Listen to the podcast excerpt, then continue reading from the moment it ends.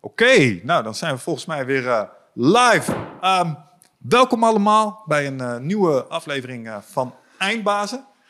tegenover mij zit Timo Hans. voor sommigen wel bekend misschien, maar voor sommigen misschien ook een nieuwe gast. En mocht je dit luisteren via Spotify, um, het is misschien vandaag ook wel leuk om eens even een kijkje te nemen op YouTube. Uh, want dit is voor ons een mijlpaal. Dit is een van de eerste podcasts. Iets wat ik al een tijdje wilde. Dus gewoon eens even wat mensen erbij hebben. Uh, in de vorm van publiek. Maar misschien kunnen we daar ook uh, enige vorm van interactie mee aangaan. Dus vandaag zitten er voor het eerst eens vier mensen bij. Ik dacht, we beginnen gewoon eens een beetje overzichtelijk. Kijken of dat werkt en hoe dat uitpakt. Dus dat is ook een soort primeur bij deze. Dus nou, super blij mee. Um, Timo, laten we eens eventjes bij jou beginnen. Voor de mensen die je niet kennen. Uh, waar kennen mensen jou van? Wie ben jij? Ja, nou, uh, we hadden het net al over leeftijd, uh, Michel. Ik ben uh, Timo Hans, 34 jaar. Hè? 34 ja, heeft het nog maar even in. Ja. bij, bij, binnenkomst, even dit, dit per context. Ik deed een kleine sketch bij binnenkomst waarvan ik dacht, dit kent iedereen. Dit is van de mensen van Rembo Rembo. Dat zeg je nou waarschijnlijk ook helemaal niet. Nou, mensen van mijn leeftijd wel. Maar het ging echt helemaal over zijn hoofd heen. Dus dat, toen kwamen we erachter, een klein generatiekloofje. Toch even testen. Um, je weet nog wel wat een cassettebandje en een potlood met elkaar te maken hebben, toch? Dat weet ik nog steeds. Ja, oké, nee, dan, dan, dan, komt het Dat weet ik heel goed, ja, ja. Ik heb ook heel veel radiootje gespeeld. Ja, mooi. Uh, waar, waar kennen mensen mij van? Um, ja, er, er zijn enorm veel gave dingen waar ik me mee bezig hou. Ik hou mij vooral bezig met uh, stress en young professionals. Dus ik ben professional spreker. Um, waar mijn motto is, we verdrinken young professionals in een oldschool aanpak. En dat gaat gewoon helemaal de verkeerde kant op. En ik ben daar uh, mede om dat samen met young professionals weer recht te trekken. Aan de andere kant kunnen mensen mij kennen van Physics Academy. Dat is een opleiding die ik vijf jaar ben gestart voor professionals, fysiotherapeuten, diëtisten voornamelijk. Uh, nou, dat zeg ik verkeerd. Fysiotherapeuten, personal trainers, diëtisten, psychologen en inmiddels al een stuk meer, want dat breidt heel erg uit. En uh, andere mensen kunnen mij kennen van het derde bedrijf wat ik heb. Uh, een non-profit organisatie om vitaliteit sexy te maken in het onderwijs. Dus om het leuk te maken voor kinderen, om van hun hoofdpijn af te komen, stress, beter te slapen. En um, dat is een non-profit organisatie en die drie bedrijven run ik in drieënhalf dag. Om weer een voorbeeld te zijn voor uh, wat ik belangrijk vind. Ja. Uh, want privé heb ik een prachtige vrouw, inmiddels twee dochtertjes. En ja, dat, dat deel ik gelijk op. Dus ik werk 3,5 dag, ik geniet 3,5 dag. En in die uh, ideale wereld uh, leef ik en dat gaat uh, me heel goed af. Ja, mooi man. Als iemand die een voorstander is van de vierdaagse, vieruurige werkweek, wil ik daar zo nog even wat uitgebreider met je over hebben. Um, Ander dingetje waar ik, want ik vind het erbij aansluiten, um, wat ik even wil laten zien. Dus kijk, allereerst, ik heb een cadeautje voor je. Het was nog niet aangekomen in de post, maar iedereen krijgt hier tegenwoordig een fantastische oh, poster. ja, misschien kunnen we even aan de camera laten zien. Zo hé, ja, die is heel vet. Dat is van Quotes. Uh, en Quotes, die maakt een toffe filmposter. En daar, daar, staat een quote op. Wat is die quote die jij ons hebt gegeven? De quote is, eh, denk veel, doe weinig.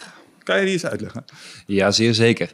Um, als het gaat om vitaliteit, over gezondheid, over stress, dan vind ik dat als je een bedrijf bent of een professional en je begeleidt mensen, dat je verplicht bent veel te denken, zodat de ander weinig moet doen. Hm. En wat ik daarmee bedoel, is uh, bijvoorbeeld young professionals die stress ervaren, die er echt eventjes uh, doorheen zitten, hè, het zij een burn-out of de chronische stress, um, die krijgen vandaag, van, vandaag de dag allerlei adviezen naar hun hoofd geslingerd doe maar minder, uh, maak maar een wandeling, uh, pak het sporten maar weer op, neem maar magnesium. Uh, de, het, ja, het, het, houdt niet op. Maar het zijn allemaal adviezen waar niet veel is over nagedacht. En Waardoor we dus juist heel veel doen. We gaan dus proberen magnesium, we gaan proberen het wandelen, we gaan het mediteren, we gaan alles proberen. Maar we hebben in de basis nog geen oplossing. Dus wat ik wil met Denk veel, doe weinig, is dat de professional, en ik vind de professional, de fysiotherapeut, de psycholoog, de coach, maar ook het bedrijf en de HR-afdeling, dat die veel denken. Dus als die jong professional daar komt zitten en die ervaart heel veel stress, dat daar een heel goed inhoudelijk gesprek wordt gevoerd over hoe die persoon slaapt, over hoe die stress ervaart, hoe die stress mindset is, hoe die ademt, hoe die eet, hoe die dat doet. Om vervolgens niet altijd maar dezelfde adviezen te geven, maar te kijken van hé, maar wat past er nou echt bij jou? Wat is nou het fundamentele probleem? Dus de professional, de organisatie is voor mij verplicht om heel veel te denken, zodat de jong professional maar heel weinig hoeft te doen. Dus om je daarin een voorbeeld te geven, ik had een keer een jong professional in een burn-out. Uh, die zag het helemaal niet meer zitten. Die had van alles geprobeerd. En die zei, nou, daar word ik misschien nog wel moe van dan van mijn burn-out. En van alles geprobeerd. Psychologen, coaches, HR zat met de handen in het haar. Heel goed gesprek gehad. Bleek, um, die persoon vond zijn werk wel heel leuk. Die wou dat heel graag doen. Gewoon absoluut geen energie. En iedereen die zei, ja, dat komt door die burn-out. En in dit geval, door een goed gesprek en doordat ik als professional heel veel dacht, kwamen we erachter dat dat helemaal niet het geval was. De persoon had al jarenlang darmklachten, had een steeds lager energieniveau en had net een kleine waardoor hij wat slechter was gaan slapen. En dat was opgestapeld het probleem. En we zeiden, die persoon heeft een burn-out. Wat bleek? Binnen vier weken hebben we het energieniveau teruggebracht van een 3 naar een 8. En binnen vier weken zei hij, nou, ik begin te twijfelen aan of ik überhaupt een burn-out heb, want ik voel zoveel energie, Mhm. ik slaap weer beter. En volgens mij klopt de stempel niet die ik heb gekregen. En dat is in dit geval, er zijn meerdere wegen die natuurlijk, eh, eh, waar je naartoe kan. Maar voor deze persoon was dat de oplossing. En dat bedoel ik met veel denken.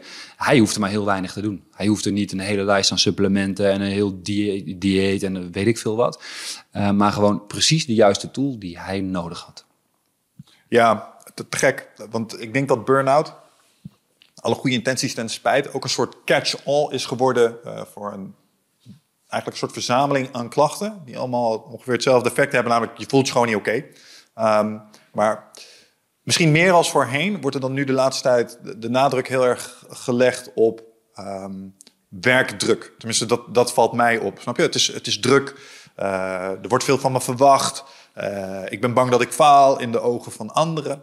Ehm, en de oorzaak wordt vaak in dat onderdeel gezocht. En wat ik zo tof vind aan wat jij zojuist zei, is dat ja, is misschien wel waar. Maar er zijn ook andere knoppen om aan te draaien die de ervaring daarvan onmiddellijk gaan veranderen. Ja. Dat, dat is wat ik hier eigenlijk Ja, zeker. in terughoor. Ja. En omdat we toch de eerste keer publiek hebben, ik zag een hand omhoog gaan. Dus ik ben. Ja, ik een denk, laten, we, Ja, mooi. laten we het, Laten laten we we dit het, meteen even, laten we het meteen even testen. Jij, jij hoort dit, je stelt een vraag. Zeg, wat, eh, Ja, ik was heel benieuwd, eh, omdat dit denk ik een probleem is wat heel veel mensen hebben. Darmklachten, weinig energie. Eh, ik herken het echt bij veel mensen om me heen. Dus ik ben heel benieuwd, wat, eh, wat was uiteindelijk jouw advies voor deze persoon? En wat heeft ervoor Ah. gezorgd dat hij van een 3 naar een 8 ging? Juist, juist. Als ik dan kijk naar de flow van de podcast, hoe we hem hebben besproken, zullen we dan deze vraag eventjes als ook teaser gebruiken om dat wat later in de podcast te bespreken. Vind je dat ook goed? Ja? Hij komt hoe dan ook. Goed? Helemaal goed. Dus, en wat ik, hiermee, ik wil hiermee vooral niet zeggen dat we alleen maar naar fysieke dingen moeten kijken. Maar voor deze persoon bleek na een lang gesprek dat het niet psycho-emotioneel was. Niet de drukte van social media. Hij had van al die dingen geen last. Maar toch kreeg hij die stempel en gingen mensen tegen hem zeggen: Ja, dat komt vast omdat je zo druk hebt op werk. En, dit. en dat bleek gewoon helemaal niet zo te zijn. En daarom zijn wij verplicht, vind ik, om veel te denken en weinig te doen. Ja, oké, te gek. Nou, we hebben hier natuurlijk in voorgaande podcast al wat grondwerk eh, in gedaan. Dus hè, Ja. we hebben dit, dit onderwerp al eh, meer gecoverd. En de reden voor jou om hier ook terug te komen is omdat je eh, nieuwe inzicht hebt. Een stuk voortschrijdend inzicht.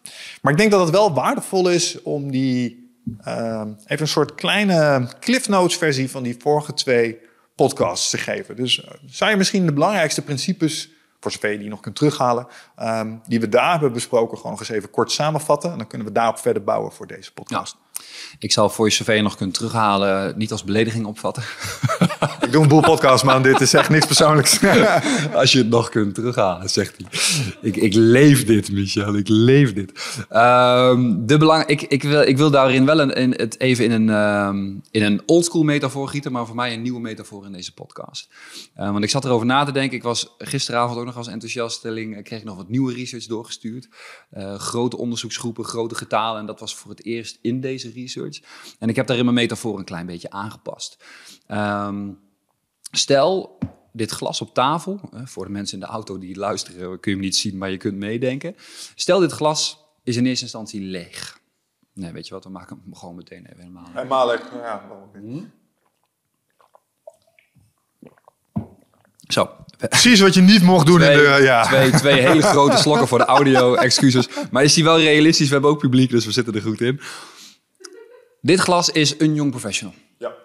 Ja? Deze jong professional heeft heel veel energie, zit heel lekker in zijn vel en gaat als een raket. Heeft geen pijn, slaapt niet slecht, want het glas is leeg. Ja, dus dit is de metafoor van de volle en de lege emmer. En zeker hebben wij in deze maatschappij een uitdaging. Want wat is de uitdaging? Ons glas loopt vrij snel vol. Hè, door de prikkels. Uh, je hebt in de podcast vaak over het monkey brain. Hè, we hebben bijvoorbeeld social media. Hè, die doet er een mooi scheutje in zo. dat, is, dat is een hele fijne. Uh, we hebben werkdruk, we moeten veel dingen doen, we moeten sporten. En het glas, we blijven niet de hele tijd schenken trouwens, maar dat wordt maar, dat wordt maar voller en voller en voller en voller en voller. En dat zijn wij chronisch stress gaan noemen. Ja, dus we hebben lange tijd een vol glas.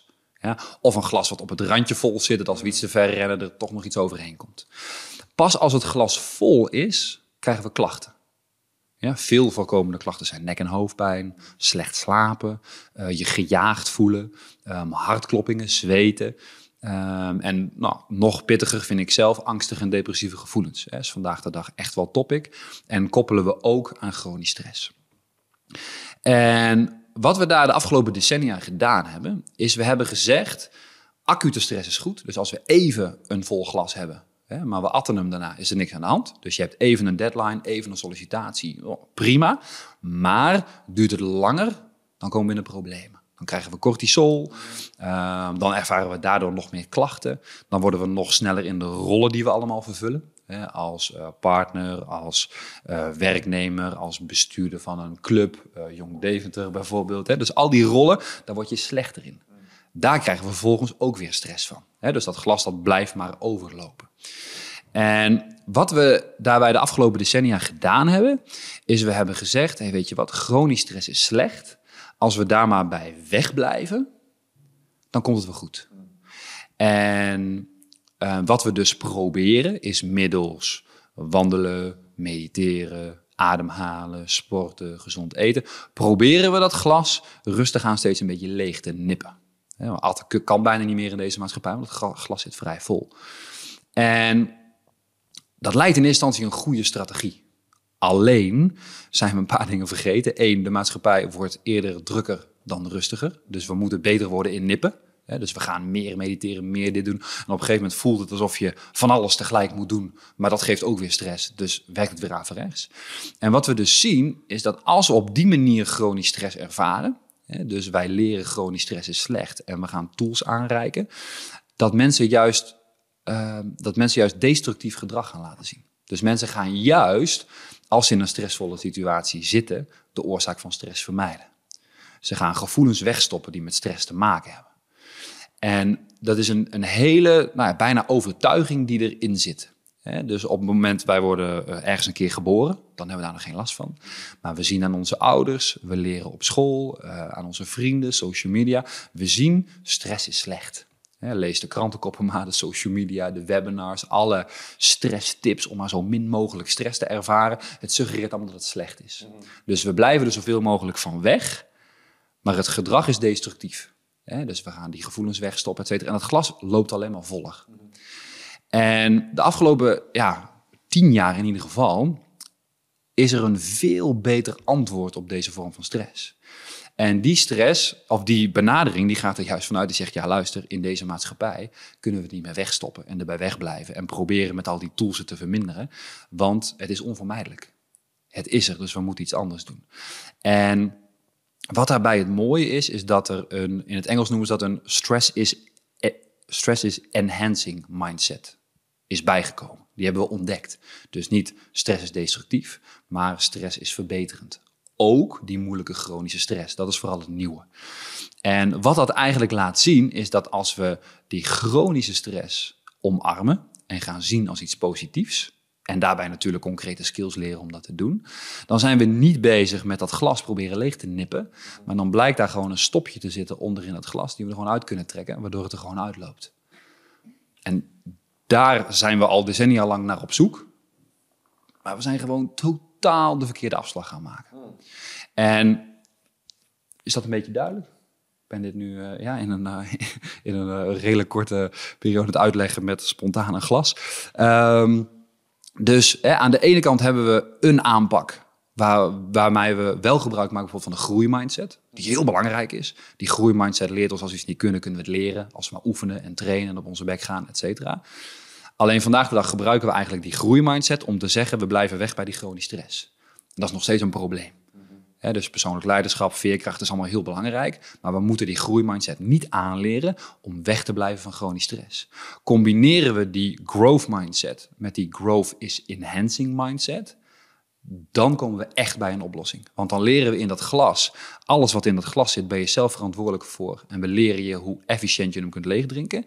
Maar tegelijkertijd leren we in een maatschappij waar die stress alleen maar is, hoe je die plug er onderin uithaalt, waardoor het water ook gewoon wegcijpelt. En daar zit een echte blijvende oplossing voor de stress die we in deze maatschappij hebben. Ja, I like it. Ik vind het een pakkende metafoor ook. Dus er zijn twee ideeën die ik eh, even kort wil aanstippen hierbij, waar je misschien iets van kunt vinden. Want ik vind de plug onder in het glas vind ik een interessante. Wat ik me ook steeds aan het afvragen ben met dat ik je dit hoor zeggen is... zijn er strategieën om een glas groter te maken? Um, en zijn er misschien strategieën om de kraan dicht te draaien? Um, kraan dichtdraaien, ik zeg, uh, nee, er is altijd een beetje. Hè? Dus je kunt altijd minder doen. Maar we doen dat in een maatschappij waar meer verwacht wordt en waar we meer doen. Dus de vraag is vooral, wat werkt het best? He, dus je kunt van alles. Je kunt de kraan dichtdraaien door uh, minder te gaan werken, in een kleiner huis te gaan wonen, geen auto te willen rijden. Dan kun je de kraan een beetje dichtdraaien. Mm -hmm. Hoe dan ook zal het blijven, want verwachtingen, social, die, al die dingen zijn om ons heen. Existence is suffering. ja, ja. Dus, dus dat kan. Dat kan, maar de vraag is, welke is het meest efficiënt? En wat kan ons lichaam daarmee? Want als je ervoor kiest om die kraan niet dicht te draaien... en je zegt van, hé, maar ik wil wel goed functioneren in deze maatschappij... hoe snel die ook gaat, dan kunnen wij dat dus ook echt leren. We kunnen echt leren om rust te ervaren in een drukke maatschappij. Dan gaan we die kraan dus wel open draaien. Dan gaan we die beide mindsets heel goed benutten. En dan voelen we ons echt goed in deze maatschappij. Geen klachten, lange termijn gezondheid. Um, alles zit daaraan vast. Dus ik ben niet voor de kraan dichtdraaien, mm.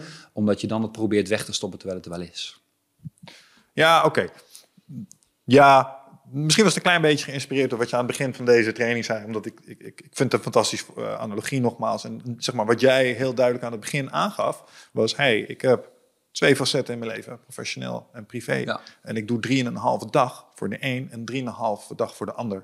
Dat vind ik al een voorbeeld van die kraan meer dichtdraait. Dat je zegt, hey, ja. ik, ik heb gewoon een beperkte hoeveelheid bandbreedte hiervoor. En die zet ik voor in en niet meer. En dat is gewoon een grens ja, aangeven. Harde keuze maken. Ja, ja en dat is waar. Um, en dat is ook het mooie. Onderzoek laat ook zien dat als we naar die stress is enhancing mindset komen... Mm -hmm. dan gaan we dus ook betere keuzes maken. Ja, dus ik ben daar natuurlijk, ik ben heel lang met het gedachtegoed bezig, maar we zien bij mensen die we dit leren, dat ze wat dat betreft als het ware de kraan een beetje dicht gaan draaien. Maar dan meer als de ruis die ze hebben. He, dus we hebben allemaal een baan, he, we hebben allemaal een privé situatie.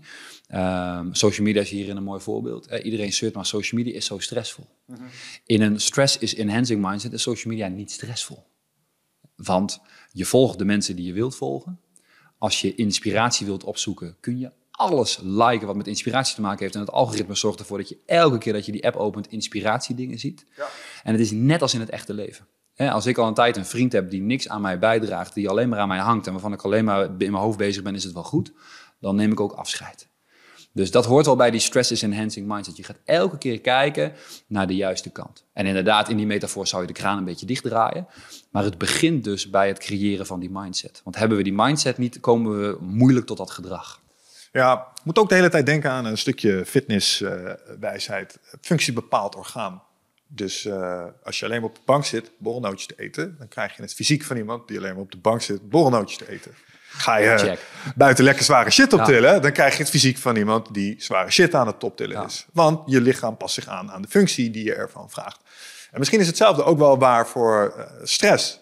Als je jezelf nooit meer blootstelt aan stress, dan gaat je tolerantie ervoor natuurlijk ook dan kan je er niet meer tegen. Um, en heb je geen, ja, hoe zullen we dat noemen, grit meer ja, of zo? Exact. En dat is de fout die we gemaakt hebben. He, dus we zitten wel heel erg aan de persoonlijke groei um, en het leiderschap. Wat enorm goed is. Ik ben er heel erg fan van. Ik spreek ook heel graag met sprekers die daarover spreken, want dat volgt elkaar perfect op. Maar we zijn de fout ingegaan door te zeggen, hey, we gaan persoonlijk leiderschap en veerkracht gebruiken om weg te blijven bij de stress. He, dus inderdaad, he, dus wat je nu zegt, is op het moment dat we veerkracht en persoonlijk leiderschap gebruiken, dan leren we heel veel. Als we daarbij zeggen chronisch stress is ook positief, dan hebben we de meeste bang for your buck. Dan hebben we functie bepaald orgaan. Ja, en, ik ben het hiermee eens. Ik weet alleen niet of ik het eens ben met je feit dat we dit in de persoonlijk leiderschapshoek um, echt zo heel, ja, wel van hey, eh, stress is een ding en je hebt een bepaalde limiet die je aan kunt. Maar een van de dingen die ik juist nog wel eens uh, voor mijn gevoel moet rechtzetten, um, rechtzetten tussen air quotes, is de verheerlijking van de grindcultuur. Kijk, ik vind het top dat jij zegt 3,5 dag. Want waarom zou je 70 uur per week werken? Je, dat is een soort roofbouw, snap je? Ja. En, en met name in de perso persoonlijke ontwikkeling, ook als ik naar bepaalde uh, goeroes kijk, die lonken, koketteren met het feit dat ze een bovengemiddelde werkethos hebben. Ja. Dus uh, ik, ik doe die 60 uur. Als je niet, I will outrap ja. you. Weet je wel, dat. En dat hoor ik en denk, fuck, ik ga ook push-ups doen. Want dat denk ja, want je krijgt een soort van FOMO of zo. Hoe kijk je daar tegenaan? Ja, ik vind het echt bullshit. Ja, ja ik, ik geef, ook. Ja, mensen, mensen, ja, mensen vragen mij veel, veel over slapen en dat soort dingen. Ja, maar ik heb nu geleerd dat als ik er om half vijf uitga... en ik ga een half uur mediteren en wandelen voordat uh, mijn kids er zijn... ja, dat het heel erg goed is. Ik zeg, ja, flikker op. Daar houdt niemand vol. Alleen die echte gekken die daar echt heel bewust voor kiezen... die gaan dat kunnen. En dat heeft daar niks mee te maken inderdaad. Hè? Dus het persoonlijk leiderschap uh, is bedoeld... Hè, of ook uh, in, in, vooral in de hoek waar jij zit, hè, waar ik heel erg fan ben van de dingen die in jouw boek staan. Ik heb er steeds heel veel van. Dat zijn tools waardoor je dingen efficiënter kunt doen. En dat is nog steeds heel belangrijk. Alleen het moet niet zo zijn dat die efficiëntietools als doel hebben om weg te blijven bij de stress.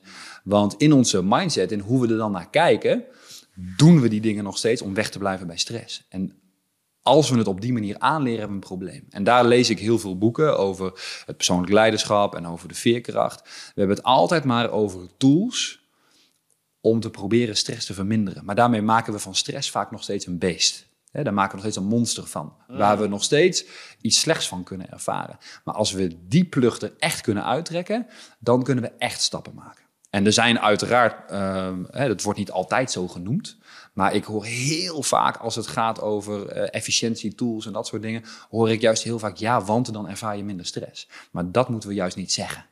We moeten juist zeggen, dan hou je meer tijd over. Als je meer tijd over hebt, heb je meer space, kun je meer bewust keuzes maken. En als jij er dan voor kiest om 3,5 dag te werken omdat je zo efficiënt bent, moet je dat lekker doen. Maar we moeten niet daarvoor kiezen om weg te blijven bij die chronische stress. Ja, oké. Maar, maar, daar hink ik wel op twee gedachten. Want ik denk dat wat je, wat je zegt, soort van klopt. Maar aan de andere kant, ik, pas, ik pak de GTD pas op. Getting Things Done. Ja. Toen ik zelf, um, nou ja, uh, mezelf over de kling had gejaagd. Wat me, wat me trok was de titel The Art of Stress-Free Productivity. Want ik had iets te veel ja. stress ervaren. Ja. En met dit soort dingen is het een klein beetje als met uh, stoppen met roken. Je stopt pas na je eerste hartaanval. Ja. En, en, en, dat is een klein beetje, denk ik, daar ook. Dus als je mij pakt op, ja, je voelt je minder gestrest. denk ik, ja, want dat is waar ik voor kwam in eerste instantie. Ja. Dus uh, ik, snap, ik snap wel wat je zegt, hoor. Um, Maar dat, dat is, ja, daar wordt daarin, daarin is dus de vraag, en dan, want jij had hier een, eh, een vraag over, dus wil ik even, ik ben even benieuwd, eh, dat is alweer een tijdje terug, maar ik ben wel heel nieuwsgierig. De vraag is nog steeds, in de cultuur die we creëren, wat werkt het best? Dus als we onze branding en onze sales stoppen op stress-free, omdat dat ons een ah, gevoel geeft, creëren we nog steeds het beeld dat stress slecht is. Ja, En op het moment dat we dat blijven doen, komen we niet tot een oplossing. Want wat gebeurt er op het moment dat we zeggen dat chronisch stress slecht is? Dan produceren we nog steeds meer cortisol, gaan we nog steeds meer hoofdpijnklachten krijgen, slechter slapen en bevestigen we voor onszelf dat stress slecht is. Terwijl op het stel het woord stress zou niet bestaan. We hebben nooit de wereld ingebracht dat chronisch stress niet zou bestaan. En we kennen wel persoonlijk leiderschap en veerkracht. En we weten als we druk zijn dat dat goed voor ons is. Als dat zou lukken, creëren we dus gedrag van iemand die wel erkent dat hij het druk heeft en die wel de oorzaak aanpakt van zijn stress. Dan creëren we echte leiderschap. En dan hebben we echt een oplossing. Dus op social media en overal wordt wel heel erg gebrand met stress-free life en iedereen denkt dan, oh, ik wou dat ik dat had. Maar het is het probleem in the first place dat we dat überhaupt gecreëerd hebben. Ja, oké. Eh, de- Ja, dat volg ik. Hè. Placebo, nocebo. Dus als ik maar vaak genoeg blijf zeggen dat het water wat je drinkt niet goed voor je is, krijg je zelf hoofdpijn. Snap je? Dus Ja. I get that. Aan de andere kant ehm, vraag ik me ook af, want ik hoor je zeggen, ja, eh, we zitten in een maatschappij waarbij stress niet weggaat. Sterker nog, het wordt alleen maar meer. Daar ligt een soort overkoepelende vraag overheen. Namelijk, waarom wordt dat alleen maar meer? En is dat iets wat we willen? Ja, 100 procent. Oké. Ja. Verklaar je nou. Ja, ik ben, dat, ik, ben het, ik ben het daar wel mee eens. Ehm, alleen in waar we nu zijn, hè, dus nu is er een acuut probleem. Burn-out, stress, et cetera. In waar we nu zijn, hebben we nu een oplossing nodig die op dit moment het beste past. En in mijn beleving is dat dit. Met in een hele ideale situatie dat we komen tot een besef, dit willen we niet meer, laten we het niet meer zo gek doen. Ja, dus we hebben een red race, iedereen erkent hem. Iedereen voelt hem af en toe en soms zeggen we het is positief, want we kunnen hem aan en soms kunnen we hem niet aan. En wij zeggen, probeer maar zoveel mogelijk rustig te ademen in die red race. Even door de bocht. Iedereen zou in zijn ideo- ideologie wel eh, minder willen werken en het relaxter willen doen en minder prikkels willen ontvangen. Maar dat punt zijn we nog niet. Die stappen zijn groot. Dus op het moment dat we in die red race nu zeggen: hey, we hebben een vele betere oplossing, waardoor je nu geen hoofdpijn hebt, geen gejaagd gevoel hebt en beter slaapt, waardoor je later tot inzicht komt hoe belangrijk al die shit is, dan is dat voor mij de eerste oplossing. Nee, dat, Ja. dat, dat begrijp ik Dus dan helemaal. zitten, we, ja. dan zitten we in, in, in redeneren en waar we naartoe willen wel goed. Alleen voor de oplossing hebben we iets anders nodig. Ja, ik pak even het voorbeeld dat David Allen gebruikt over goal setting en zo. De meeste mensen willen graag naar een tropisch eiland vliegen. Alleen hun probleem is, de startbaan ligt vol met rommel. Eh, en die moet je eerst opruimen. En dat is eigenlijk wat ik hierin zie. Ja. Wat, je, wat je doet, oké, we gaan eerst die startbaan clearen, zodat je buffer krijgt. Je voelt je weer wat beter. Daar zit soelaas en daar kun je jezelf even hervinden en nadenken over Ja. wat je wil. En nu kun je jezelf vragen afstellen en er ook iets van vinden. Ja. Ehm, dus die volg ik wel. Maar ik kom toch weer terug bij wat je aan het begin zei. Want ik denk dat, dat juist wat jij daar laat zien... Van, ik kan een ondernemer zijn, ik kan het hartstikke mooi doen. Ik run drie bedrijven, maar ik doe het wel een drieënhalve dag. Want die andere kant is minstens even belangrijk. Dus ik laat me niet voor de volle 80, 90 procent van mijn beschikbare tijd... als ik slapen niet mee reken, claimen door die red race. En dat is wat ik bedoel met die overkoepelende vraag. Eh, ik, ik spreek ook veel eh, mensen de laatste tijd over het duurzaamheidsvraagstuk. En die zitten allemaal op consumindere mensen.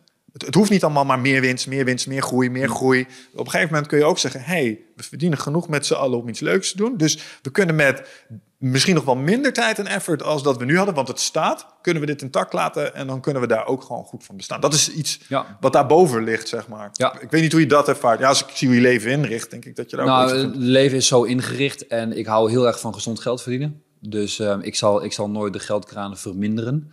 Ehm, ook al loopt dat op naar een miljoen of twee miljoen per jaar. Ik ben wel zo dat ik me alleen maar richt op waarde. Ik, voel, ik word alleen maar gelukkig van waarde toevoegen. En ik heb, ergens anders heb ik niks te zoeken. Dus als iemand mij boekt en die zegt... je moet dit vertellen op het podium, je bent het er niet mee eens... kan ik de rekening niet kunnen betalen, ik ga niet. Dat is, daar ben ik inmiddels wel gekomen tot dat punt. En daar ben ik heel blij mee. Ehm, en op het moment dat er dan meer geld overblijft... kun je er mooie dingen mee doen. Het zij, wij planten bomen bij elke aanmelding. Eh, je kunt dingen compenseren. Je kunt mooiere initiatieven opzetten. Je kunt mensen inspireren via online content. Ehm, dus daarin zitten we denk ik wel op dezelfde, eh, dezelfde hoogte. Ja, zeker wel. Ja, Ja. ja, ik ben nog wel heel nieuwsgierig, want je had in het begin van dit vraagstuk een vraag. Staat die nog? Ja. Ja? Nou, mooi. Laten we Wat die vraag? richting geven aan het, eh, aan het gesprek. Ja, want jullie hadden het inderdaad over eh, nou, de 60 uur. Eh, mensen die dat voorbeeld eh, eigenlijk neerzetten nu in het werkende leven. Nou, wij komen daar met al deze wensen van ik wil eh, meer tijd voor mezelf, ik wil meer mediteren, al dat soort dingen. Hoe ga je het gesprek aan met die mensen die 60 uur misschien wel meer normaal vinden? Zonder dat je daarin nou ja, minder serieus genomen wordt of iets dergelijks. Ja. En de eerste vraag, heel even de microfoon denk ik nog. De eerste vraag zou zijn, om welke reden moet je met de mensen in gesprek die dat doen? Nee, waarom, ze, waarom ik met ze in gesprek wil, is omdat ik meer nou ja, die rust die je zegt, het minder stress of het beter kunnen dealen met de stress, dat ben ik in ieder geval voor mezelf inmiddels wel over uit dat ik daar tijd voor wil. Ja? Maar als ik dan aan mijn baas vraag om minder te werken, dan kijkt hij me aan alsof ik Ja, niet oké. Dus, dat is de ben. ja, dus jij komt als jong professional bij een bedrijf. Daar is de norm 60 uur, maar jij zegt 30 uur. Bijvoorbeeld. Ja? Ja. En Ja. hoe ga je dat gesprek aan? Ja, op een gelijke manier eigenlijk. Ja. Wa- wa- want jullie hebben allebei dit soort gesprekken, denk ik, gehad. Veel. Hoe, ja, hoe, wat zijn de reacties? Wat, hoe Ja. gaat dat? Nou, wat ik, wat ik, daarin, de, eh, wat ik daarin het belangrijkste vind, is ehm, wat mij heel erg heeft geholpen, is de metafoor van de wijze L en de Muppet. En die kwam hier ook bij een aantal gasten. Dan ga ik even beroep doen op jouw eh, skills. Maar eh, de wijze L en de Muppet zijn meerdere malen gevallen. Ook bij, ehm, zij komt uit Enschede, de geluksdocent. Oh, Mirjam Spittelt. Mirjam Spittel. Zeker, ja. Eh, oké. Dat is uiteindelijk de reden geweest waarom ik een L op mijn onderarm heb. Dus Mirjam, als je me luistert. Eh, zeer, zeer zeker. Het is voor mij een reminder aan. Eh, iedereen kent ehm, zijn twee stemmen in zijn hoofd. Hè? De stem in het hoofd die zegt, je bent goed genoeg, je doet het toe, ga het maar doen, vertrouw er maar op. Hè? Let maar niet op wat de rest vindt. Blijf wel even in je microfoon praten. Ja, ik moet wel in mijn microfoon praten.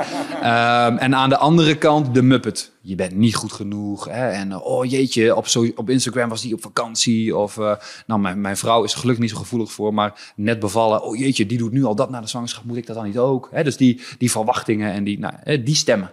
Hè? De Muppet schreeuwt, de elf fluistert. Daar hebben we tijd voor nodig, rust voor nodig. En die growth is enhancing mindset. Die is daarin heel belangrijk.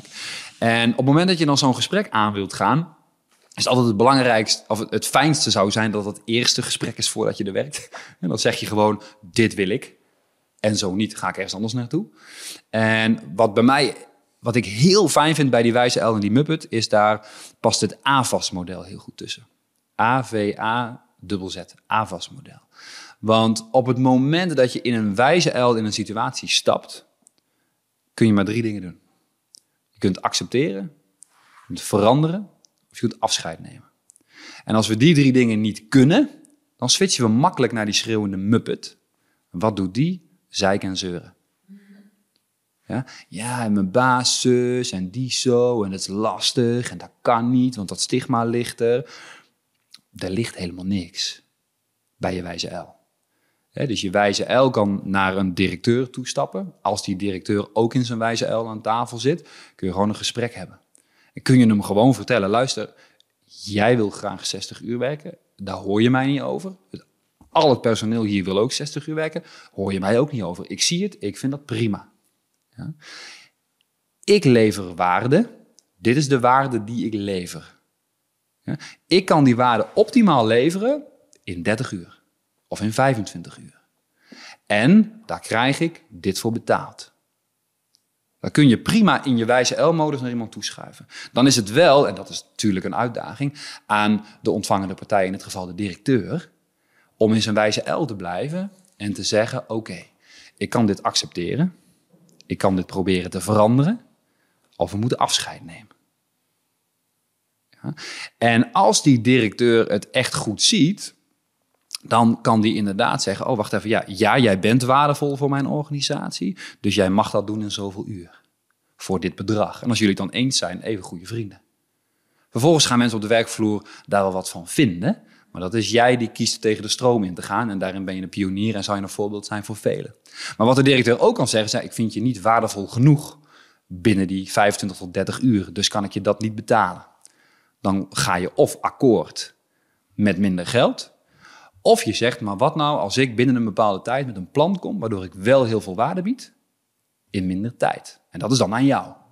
Dus het moet wel realistisch zijn. Dus ik sta met één been pro bedrijf, bij één been binnen de young professional. Ik vind een young professional kan niet een bedrijf binnenstappen en zeggen: Oh, nou, het is allemaal zo druk en zoveel en zo. Uh, en zo uh.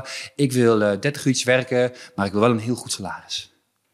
Maar op het moment dat je nieuw bent en je levert nog geen waarde, heb je geen poten om op te staan. Dan moeten we in onze wijze L ook erkennen dat dat zo is. Dat kan niet dat we dat doen, maar dat gebeurt wel heel veel. Ja? Maar aan de andere kant moet het bedrijf, hè, waar ze, ja, iedereen wil tegenwoordig maar drie, drieënhalf dag werken. Dat is vanuit je muppet, dan ga je zeiken en zeuren. Maar een directeur, die moet dan erkennen, oké, maar mijn personeel wil dat. Zijn ze waardevol? Ja. Zijn ze waardevol genoeg? Misschien ook wel, dan betaal ik ze gewoon. Zijn ze niet waardevol genoeg, ga ik gewoon met ze in gesprek. Wat kunnen ze dan wel? Moet je dan eens kijken wat de creativiteit van de young professionals is. Om maar drie dagen te hoeven werken, maar toch die waarde te bieden.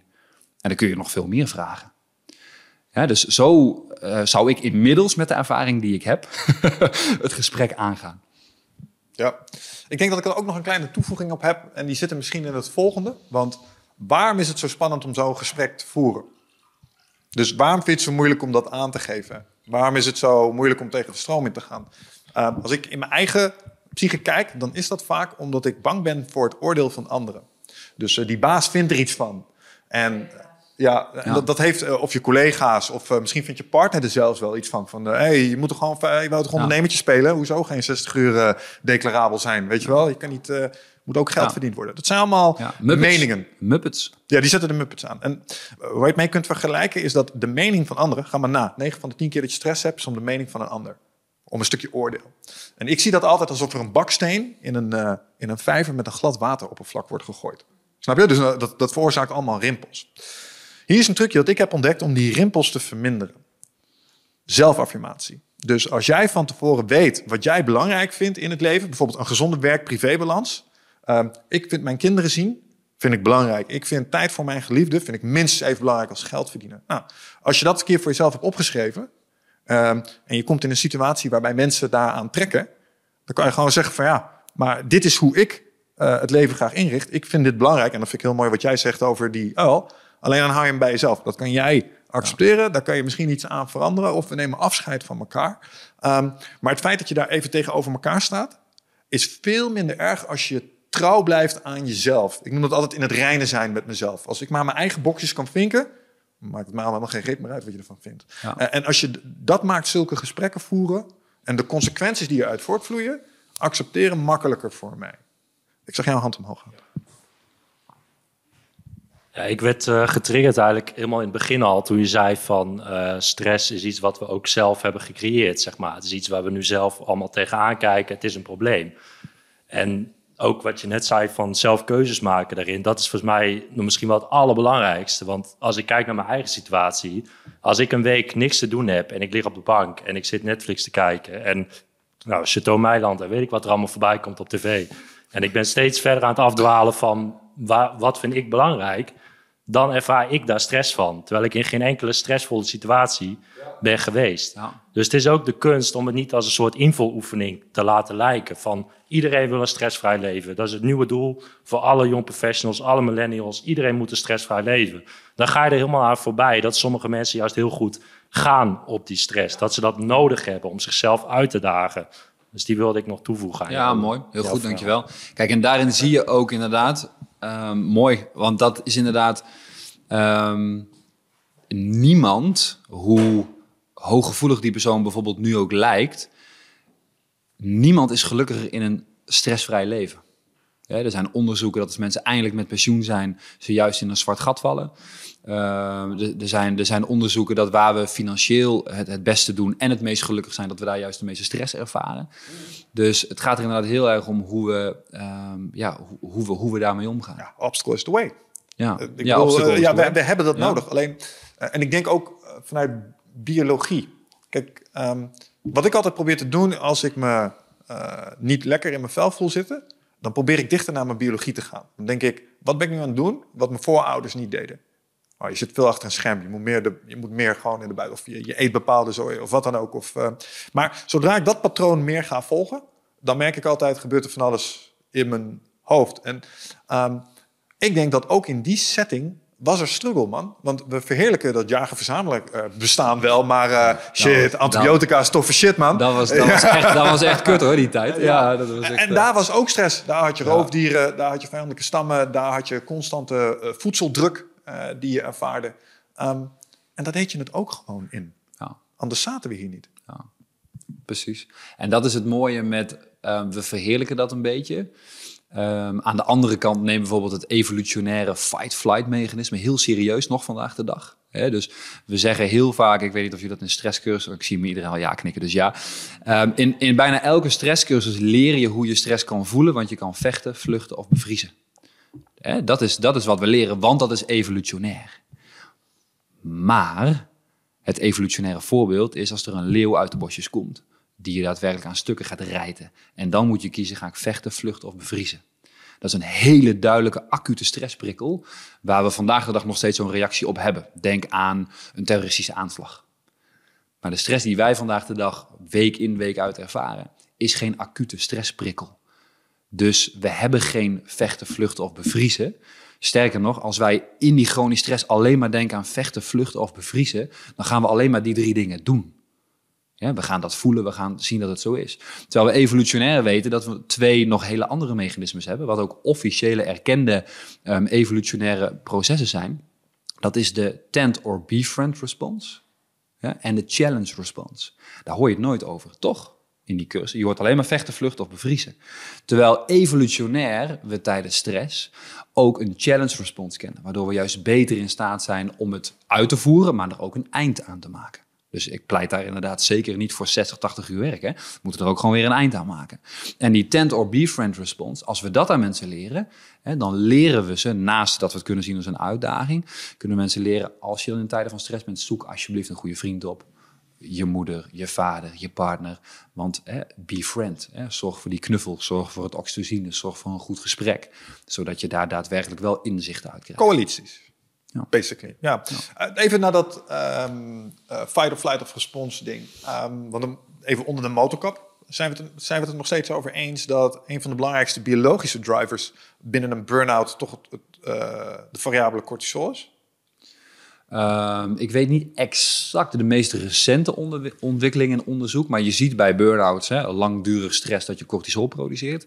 Dat is nog steeds waar. Ja. Dat staat boven tafel. En dat is het stresshormoon. Ja, en was dat niet een. Uh, maar de, de, de generatie van dat cortisol is toch eigenlijk een effect van het afgaan van fight of flight? Want ik dacht altijd dat dat het ding was. Dus je, je amygdala, ach, gevaar, weet je wel. Oh, mail van de baas, shit, uh, ja. mijn carrière staat in gevaar. Klink, en, en, ineens voel je licht in je hoofd, wordt je kleuren in je gezicht, weet je wel. Soms krijg je dat er sommige telefoontjes gaan, denk je, oh nee, niet die, weet je wel. En dan, dan zit je daar. Um, ik dacht altijd wel, dat dat echt mijn, mijn lichaam was die lijfelijk reageerde op een uh, gevaarprikkel. Ja en nee. Ja, dat is, dat is altijd mooi met dit soort dingen. Um, hoe, meer je, hoe, meer je hier namelijk, hoe meer je hier namelijk ingaat, hoe, hoe, hoe meer generalistischer je moet worden. Wij neigen de maatschappij vaak naar specialisme, maar dit, dit moet een, een generalistisch fenomeen zijn. Ja, je kunt acute stress ervaren van dat belletje of dat moeilijke gesprek of et cetera. Nee, het is niet hetzelfde als die terroristische aanslag. als je mocht kiezen, dan koos je nog steeds voor die ander. Ja. En je kunt nog steeds nadenken in die situatie. Bij de terroristische aanslag kun je dat niet. Ja? je produceert wel wat cortisol, maar zeker niet zoveel als bij de terroristische aanslag. Kortom, de vraag is dan, als het niet hetzelfde is, kunnen we dan in de situatie wat anders? En daar komen we op wat we in de tweede podcast ook vrij uitgebreid besproken hadden. Op het moment dat we die positieve mindset daarbij pakken, en we gaan dat mensen aanleren, dan komen we dus op een punt dat in een stressvolle situatie mensen niet alleen meer cortisol produceren, maar ook DHEA. En als we kijken naar de eigenschappen van DHEA, hè, dan is het eerste effect van het hormoon DHEA dat uh, met een aantal negatieve effecten van cortisol wegpoetst. Ja, dus de stressor wordt al minder, terwijl die al veel minder was ten opzichte van die terroristische aanslag. Gegenereerd vanuit een gedachte, dat blijf ik hier zo vast. Gegenereerd vanuit een gedachte. Dat is echt mindblowing, ja. elke keer ja. weer. Maar... Mensen die 20, 30 minuten oefeningen doen, 3 minuten oefeningen doen op die mindset, produceren puur door de gedachteoefening meer DHEA. Dat is bizar. Het is tegenwoordig ook in corona-periodes getest met kids tussen 13 en 18. Ik moet het onderzoek nog verder uitpluizen, maar ook daar gebeurt het. En een ander effect van die DHEA is het stelt ons brein in staat om te leren van die stressvolle situatie. Dus waar we normaal met zo'n vol glas in zo'n loop komen, eigenlijk een visuele cirkel naar beneden, daarin kunnen we nu juist loops maken steeds een beetje beter. En dus we kunnen elke stressvolle situatie beter doen. Denk, uh, je hebt echt een, een prutser van een manager op de vloer die niks van het AFAS-model snapt en alleen maar in zijn eigen muppet zit. Dat is stressvol. Dan heb je zelf nou ja, wel keuzes voor, maar hè, dat, blijft wel een stressvolle situatie natuurlijk. Dan kun jij dus, als je positief naar stress kunt kijken, het elke dag een beetje beter doen. En dat is op dag drie niet dat je denkt, oh, partij helemaal nergens. Kijk, dit is gefixt. Nee, maar wat we heel veel zien, en we hebben dit inmiddels geleerd aan 500 specialisten die dit weer hè, verspreiden, dat binnen twee, drie weken is er dan geen hoofdpijn. Ja? Wordt er al wat beter geslapen? Zijn we al wat meer relaxed, al wat meer uitgerust? Alleen maar door die gedachteoefening in dat DHEA. Mm uh, soms een ademhalingsoefeningetje aan toegevoegd of zo, maar wel, weet je, gewoon echt daar lekker bij gehouden. En na die twee, drie weken voelt iemand zich al een beetje energieker, wat gefocuster vanwege minder hoofdpijn. Ja, en zo komt daar in één keer iets op gang waarvan die persoon denkt, ach, ja, die manager is wel een lul en die snapt er niks van. Maar ik ervaar eigenlijk helemaal geen stress. En dan heb je al een veel betere situatie dan je daarvoor had. Door één gedachteoefeningetje van soms maar vijf minuten. Ja man, ah, dat is eigenlijk wel mooi. Want daarmee wordt elke eikel in je directe omgeving een soort uh, training. Ja. Ja. Waar, en je, waar je, en je wordt, van kan worden. Ja, ja, en op het moment dat je daarbij dus bewust bent van dat aanvalsmodel... En dan ga je, die, oh, die manager is zo'n lul en die vraagt dit en die doet dat en die doet zus. Op een gegeven moment leer je jezelf aan. Denk, ja, ik zeg wel dat hij of zij een lul is. Maar ik kan het accepteren, ik kan het veranderen, ik kan afscheid nemen. Maar ik ben nu zelf aan het zeiken en zeuren. En dat moet je bij jezelf ook doen. Dus die manager ook. Ja? Maar als jij denkt, kan ik het accepteren? Dat kan ook. Je kunt tot het punt komen dat je denkt, ik accepteer gewoon dat het een eikel is, want het draait hier best wel goed. En ik ga gewoon me daar een beetje voor afsluiten. Als dat de oplossing is, is het de oplossing. Je kunt ook veranderen. Je kunt ook een stap boven gaan van die manager en zeggen, joh, luister, ik heb hier heel veel problemen mee. Ja, laatst nog een goede vriendin begeleid in, in hoe dat te doen. Nou, ook prima. En je kunt ook afscheid nemen. Andere afdeling, andere functie, ander werk. Maar dan ben je zelf ook in je wijze. En je ziet wel, ehm, jullie natuurlijk niet. Niemand Maar- hier. Niemand hier. Maar je ziet wel dat young professionals, die neigen snel naar... ja, maar ik leef nu in deze eh, wereld. Hè? En eh, nu is op werk in één keer alles eh, eh, heel heftig en tegen me en stressvol. Nou, dat werkt niet. Je bent wel ook verantwoordelijk om eh, dat aanvalsmodel zelf ook naar je toe te trekken. Maar de directeur moet het ook en de manager moet het ook. Weet je, je moet het wel Ja, samen doen. en ergens, maar nou begin ik als een oude man te klinken, zeg maar. Er- Ergens is die aversie voor een klein beetje frictie. Weet je wel, kom op man, eh, schouders eronder, niks wat de moeite waard Ja, was. maar dat kan, gebeurde ooit dat kan toch ook lekker binnen dat model? Ja, nee, ik, zeker. ik hou ervan als het af en toe schuurt. En eh, voor mij mag er best een keer eh, gevloekt worden. En er mag best een keer een grap gemaakt worden. Maar op het moment dat het te ver gaat, hè, dus het wordt een stressor, dan moet iemand opstaan. Ja. Wanneer zat je de laatste keer eh, in de clinch met je eigen Muppet? Wanneer zat ik voor het laatst in de clinch? Ja, dus wat zijn situaties waar Timo eh, met zijn Muppet aan de bak Oh, was? afgelopen nacht nog. Dus een ongoing process wat steeds mooier en beter wordt. Ehm hè, gisteren eh, nog een beetje wat dingetjes voorbereiden. Eindbasispodcast, heel veel zin in. Je wilt het ook goed doen. Hè? Iedereen wil het goed doen. Er zit publiek bij. Wat vinden die dan? Ik wil dat ze het goed vinden. Hè, dus dat gaat in mijn hoofd. Ik denk, oké, prima.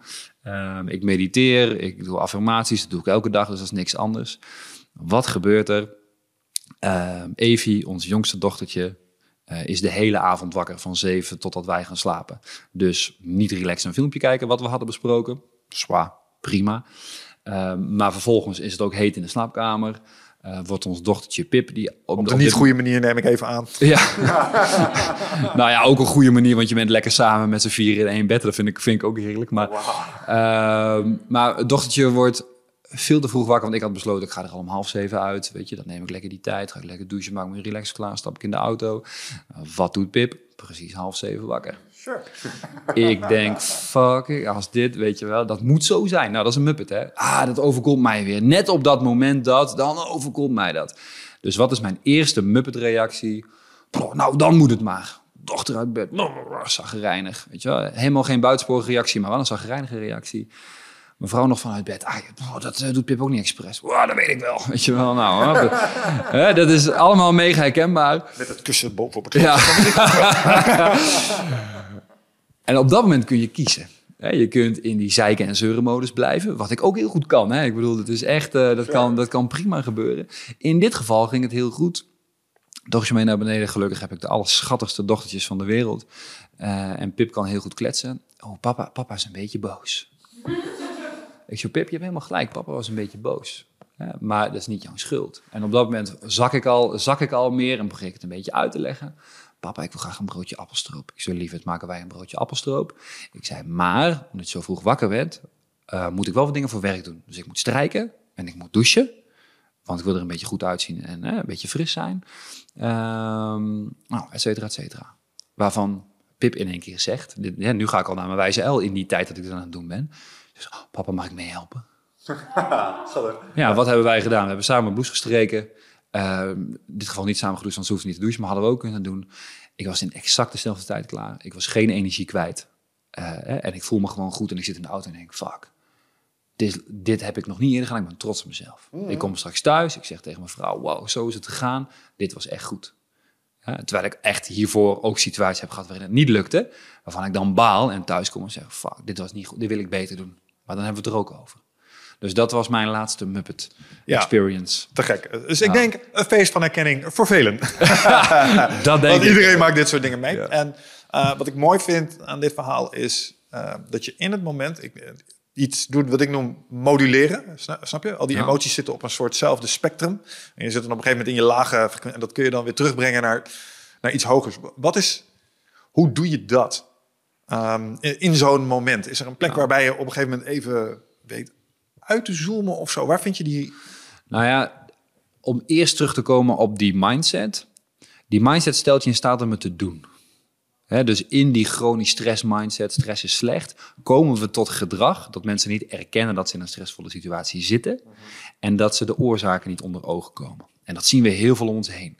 Hè, eerder zei ik, ja, maar dit is nou eenmaal zo en ik moet nu naar die podcast en ik moet het goed doen. Dus eh, vrouw, kom maar uit bed hè, blablabla, en dan ga ik het zo doen. Omdat ik niet erken dat ik erin zit. Dus met dat ik mijzelf die modus ook veel meer aanleer, ja, en dat is helemaal niet uren huiswerk. Het is gewoon hè, je proces en af en toe er eens aan denken en ermee bezig zijn. Ehm, dan kom je dus in een modus je denkt, hé, maar wacht even, ik erken dat dit gebeurt. Dus ik wil een goede vader zijn, ik wil een goede partner zijn, ik wil een fijn mens zijn, ik wil niet onnodig energie uitgeven. Nu gebeurt dat wel. Veel meer energie uitgeven als zo'n ochtend, hè, als het de verkeerde kant op gaat. Holy shit, hé. Ehm, maar nu erken ik dat dat zo is. En die gevoelens die erbij komen, erken ik. Hé, hey, wacht even, oké, dat is oké. Ik, ik doe het nu voor wat ik wil, niet goed, maar dat is niet erg.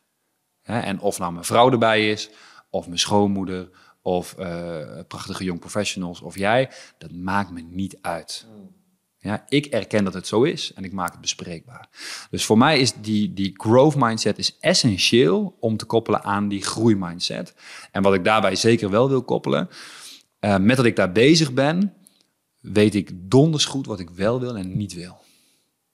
En dat wordt ook steeds helderder en ik verander ook.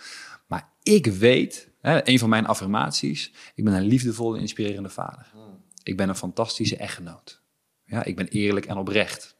Ja, als je zelf dat elke dag zegt, ik wil dat ook echt. Dus op het moment dat je dat bij elkaar voegt, ja, dan word je in zo'n situatie vanzelf goed. Niet de eerste keer, maar de vijftiende, twintigste keer. Ja, en dat is niet alleen maar, oh, we ben ik er nu goed in. Dat is ook gesprekken met je partner van, hey, wat kun jij eraan bijdragen om het voor mij makkelijk te maken? Ja, als mijn vriendin die situatie die sneren maakt, dan ga ik nog meer naar die Muppets. Oh, wat, hoe durf je dat nu in die situatie tegen mij te zeggen? terwijl ik kleine Timo ben, ik ben vroeg gepest en zielig en bla. Hoe durf jij dat nu te zeggen? Ja, dat is aan mij. Hè, dat is verkeerde, verkeerde modus, Muppet waar ik in schiet. Maar hè, mijn vriendin, inmiddels vrouw natuurlijk, of natuurlijk, Helemaal niet natuurlijk, maar mijn vrouw. Ze luistert mee volgens mij. ja, hallo lieverd, ik hou van je. Uh, weet je wel, die, die, die leert ook weer beter hoe ik het moet. Ja, en andersom ook weer. Ja, dus dat hoort ook in dat proces. Het is niet alleen maar een makkelijk dingetje.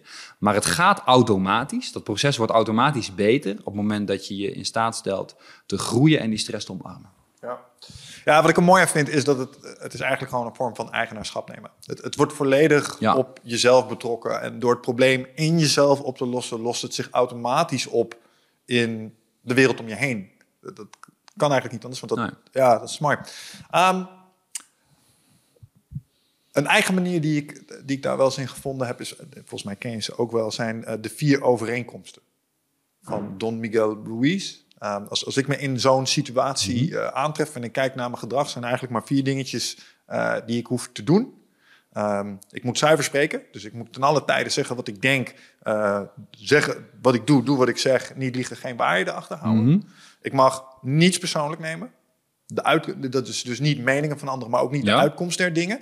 En de belangrijkste hier voor mij was succes. Succes mag ik ook niet persoonlijk nemen. Snap je? Dus ja, leuk dat het gelukt is, maar nu is er alleen het werk nog steeds. Dus dat. Ja, um, geen aannames doen en altijd je uiterste best doen. En dat is een soort van hetzelfde als jij zegt. Dat zijn zeg maar een soort vier van uitgangspunten. Ja. Die leg ik over mijn gedrag heen. En als ik er niet aan voldoe, uh, dan corrigeer ik mezelf daarbinnen. En, en dat ging, gaat natuurlijk niet in alle gevallen goed. Maar het sluit aan bij wat jij zei. Als je zo'n set aan gewenste gedragingen jezelf structureel blijft voorhouden, ja. dan zul je merken dat je in sommige situaties ja. onder druk dat het er ineens uitkomt. Ja. Net zoals jij vanochtend had. En, en dan denk je ineens, hey, het is gewoon gelukt vandaag. Weet je wel? En daar zit hij dan. Ja. Nou, wat je zegt is heel mooi. Ik kende hem niet overigens. Uh, maar het is een enorme wijze uilengenerator. Ja, dus ik, wat ik ook, waar ik van hou, is op die manier communiceren dat het bij zoveel mogelijk mensen aanspreekt. Ja, iedereen heeft een andere metafoor nodig. Ja, dus dat is hoe meer je daarvan hebt, uh, hoe, hoe beter dat is. En een metafoor die mij heel erg helpt, Um, die ooit een praktijkondersteunster in de fysiopraktijk waar ik heb gewerkt, uh, zei. Uh, die zat in een scheiding, twee jonge kids. Ik zei, joh, poeh, jeetje, dat is een flinke knoop om door te hakken. Hè? Niet alleen voor jezelf, maar ook voor die kids. Ja. En toen zei zij, ja, gek genoeg heb ik mij afgevraagd, of heb ik mij gevisualiseerd, hoe het eruit zou zien als ik 80 jaar was en ik keek in de spiegel en ik had het over dit moment in het leven. heb ik gehandeld zoals ik zou willen handelen. Mhm. En dat is echt, bij mij kwam dat echt zo boem binnen. Er stonden nog twee collega's te luisteren. Die hadden echt zoiets van, nou, dat is, die is echt helemaal gek geworden. maar ik heb, ik heb nu, nu nog steeds dat ik momenten heb die ik moeilijk vind in het ondernemerschap. Want met drie bedrijven, drieënhalf dag heb je ook uitdagende knopen door te hakken soms. Dat ik bedenk, ik ben 80.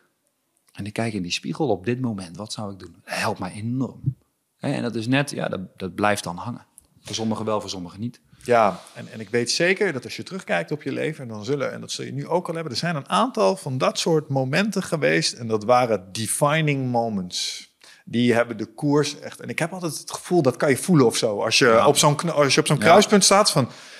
Wat wordt het, weet je wel? Hier splitst, als je in kwantummechanica gelooft, zeg maar. Many worlds, hier, hier splitst er Ja, één. ja, hier gaat er één wel doen en één iets niet doen, zeg maar. En je zit in één van die twee werkelijkheden. Je can feel it. En ik vind dit echt een hele mooie. Want eh, end of life regrets is ook een mechanisme dat ik heel veel gebruik. Zo van, oké, ja, ik zou wel dit kunnen doen. Maar als ik dan straks eh, op mijn sterfbed lig, hoe kijk ik dan terug op dit moment? En dan denk ik liever dat ik eh, de moeilijke weg had genomen in plaats van de easy way out. Als kwantummechanica echt op bestaat, zijn er wel een paar realiteiten waar ik de easy way gekozen heb. Ben heel benieuwd hoe het met die gast gaat. ja. Nou ja, die quote die daar perfect op aanhaalt is... ehm, a smooth sea never made a skilled sailor. Ja. Hè, dus wat, wat vinden we het gaaf om iemand te zien zitten die veel heeft meegemaakt en die vertelt over die moeilijke dingen. En ze luisteren, wow, was ik ook maar zo inspirerend. En dan staan er gewoon heel veel mensen op dat pad en dan kiezen ze alsnog de makkelijkste. Dan denk ik, ja, oké, weet je, ja, dat wordt hem niet. Nee, dat is, hem, dat is hem gewoon. Die mensen vragen mij ook al, joh, Timo, heb je dat gedaan? Want op Instagram ziet alles er zo goed uit. Hè, Ik kreeg laatst een audioberichtje. Timo, ik hoop dat je leven er net zo uitziet als dat je op Instagram deelt. Ik nou, het komt echt wel heel dichtbij. ja, Dat is een soort dis als je er ja, wat langer over nadenkt. Dat is, dat, is echt, dat is echt wel, dat is echt wel redelijk, eh, redelijk hoe dat gaat. Ik deel kwetsbare dingen, ik deel veel mooie dingen. Mijn leven is gewoon heel mooi. En dan vragen mensen wel eens, ja, maar hoe doe je dat dan? Ik zeg, nou, ik heb deze gewoontes. Ehm, hè, ik ben bijvoorbeeld eh, nou, vroeger veel gepest. Dat hè, heb ik zo en zo aangepakt. Ik heb dit gedaan, ik heb die stap gemaakt. Ik heb die moeilijke keuze gemaakt, ik heb die moeilijke keuze gemaakt. Ik heb die moeilijke keuze gemaakt. En die vijf moeilijke keuzes. En nu ben ik hier. Wat zou je nou doen als je je pestkoppen weer tegenkwam? Ik spreek best veel mensen die gepest zijn, die aan de overkant zitten, zijn allemaal gepest, man. Allemaal vroeger. Ik ben ook gepest Ja. vroeger. Ja. En eh, ik heb een fase gehad, toen ging ik net vechtsporten doen. Toen heb ik gefantaseerd over ik ze allemaal het licht uit de ogen zou eh, knijpen, zeg maar. pleuris, ja. En nu zou ik ze denk ik, ja, nu zou ik ze denk ik knuffelen en, en danken voor alles wat ze gedaan hebben. Ja. Want, want zonder die shit had ik waarschijnlijk nu niet hier gezeten. Nee. Ik zou, ehm, voor mij is dat in Koevoorde geweest. Daar ben ik geboren en getogen. En ik heb nog steeds dat ik daar niet altijd graag kom. Ook omdat het gewoon, het is een hele onvoorspelbare plek. Ook aan agressiviteit en mensen. En, eh, dus ik wil, ik wil het liefst mijn gezin daar niet mee naartoe nemen. Maar als ik daar op een terras zou zitten en out of the blue zouden ze er zijn, of ik zie ze lopen, dan schiet ik, als ik niet oppas, nog steeds naar mijn Muppet. En dan denk ik nog steeds dat ik, dan zie je een hele andere Timo. Dan word ik heel klein. Ja. Dan kun je, heel soms heb ik dat en dan zie ik er ook heel anders uit. Dan word ik echt, Grappig is dat, ja. ja. En dan zal ik ook gewoon weer stotteren en gewoon weer die houding aannemen. Dat zal, dat zal gebeuren. Maar nu, als we het bewust over hebben en ik zou mijn L blijven, dan zou ik ze een knuffel geven. Ja. Want ik heb daar, los van dat ik er nog helemaal niet helemaal achter ben wat dat allemaal precies voor mij heeft gedaan, want ik sta er niet zo mega veel bij stil. Maar ik heb daar wel heel veel skills geleerd, waardoor ik nu kan wat ik nu kan. Dus, dus ik, zou ze daar, ik zou ze daar wel vanuit liefde benaderen. Als ik Ja. in mijn wijze L zou zitten. Ja, heel mooi. Ja, nee, want ik heb de vraag een paar mensen gesteld van... Hey, als je het nu allemaal wist hè, en je zou het nu over moeten doen... zou je er dan alsnog voor kiezen? En dan is het antwoord best wel vaak ja... want het heeft me toch op een bepaald pad gezet. Ja. Ehm, misschien niet helemaal om de meest nobele redenen. Eh, zeg maar, een paar jaar geleden kon ik mezelf nog wel eens dingen tegen mezelf horen zeggen van... ah, het is niet zozeer dat ik zin heb in deze shit... maar het is gewoon een hele groep mensen die ik het tegendeel wil bewijzen. Snap je? Er is ook niks mis mee af en toe. ook niks mis mee. Ik ook als ik op een mooi groot podium sta en ik spreek met veel mensen, dan vind ik het echt heel gaaf omdat ik waarde bied. Maar wat vindt mijn ego dat ook heerlijk om op het podium te shinen. Ja, maar ik vind dat ook. Ik vind het een mooi iets als je hem erkent en het gebruikt om het ermee te doen. En ik heb ook, weet je, ik heb ook eh, een tijdje terug schoot ik ook even meer in mijn ego-modus. En denk, oh, maar het moet allemaal wel goed zijn. Iedereen moet me complimentjes geven. Dat is dan even weer zo een weekje of zo. En daarna denk ik, oh, wacht even. Daar draait het niet om. Het draait om heel, heel veel waarde bieden en kijken waar je wat te doen hebt in de wereld. Ja. Uh, maar niks mooiers, want ik, ik ben echt. Ik heb echt een schurfthekel aan uh, young professionals en cursussen om je ego te herkennen om hem weg te stoppen. Ik, ben echt, ik vind het echt verschrikkelijk. Het is zo toxisch om te doen. Hè, je moet je ego erkennen, weten wat het is. je moet weten waar je naartoe wilt. Hè, en je kunt je ego en die prachtige energie die erbij zit, kun je vet mooi inzetten om daar te komen. Hè, mits je dat dus, nou ja. Ja man, ik moet dan altijd denken aan uh, de uh, spirituele coachingshoek, als je dit hoort. Want in de spirituele coaching, uh, dus zodra je met verlichting en mindfulness en zen en energiebanen en zo bezig gaat, dan ontstaat er iets heel interessants, namelijk een stigma op centjes verdienen. Dat mag niet daar in die hoek, want je, want je moet mensen helpen en genezen. Grote, en dat ja, ja, er is en een grote hoek. Het allemaal gaat allemaal om centjes, dus dat, dat ding geld is ineens een ding. Uh, terwijl de juiste hele succesvol die zeggen: nee, nee, dat geld dat is super belangrijk. Want als ik geen geld krijg, kan ik niet voor mezelf zorgen. Als ik niet voor mezelf kan zorgen, ja. kan ik niet voor jou zorgen. En dat is eigenlijk een beetje hetzelfde waar ik aan moet denken met het ego. Dat ego, het, het, het laat je op een bepaalde manier denken. En als het doorslaat op een bepaalde manier manifesteren. Maar als je dat ding een klein beetje weet te beteugelen, dan brengt het je ook met een bepaalde voortvarendheid op plaatsen.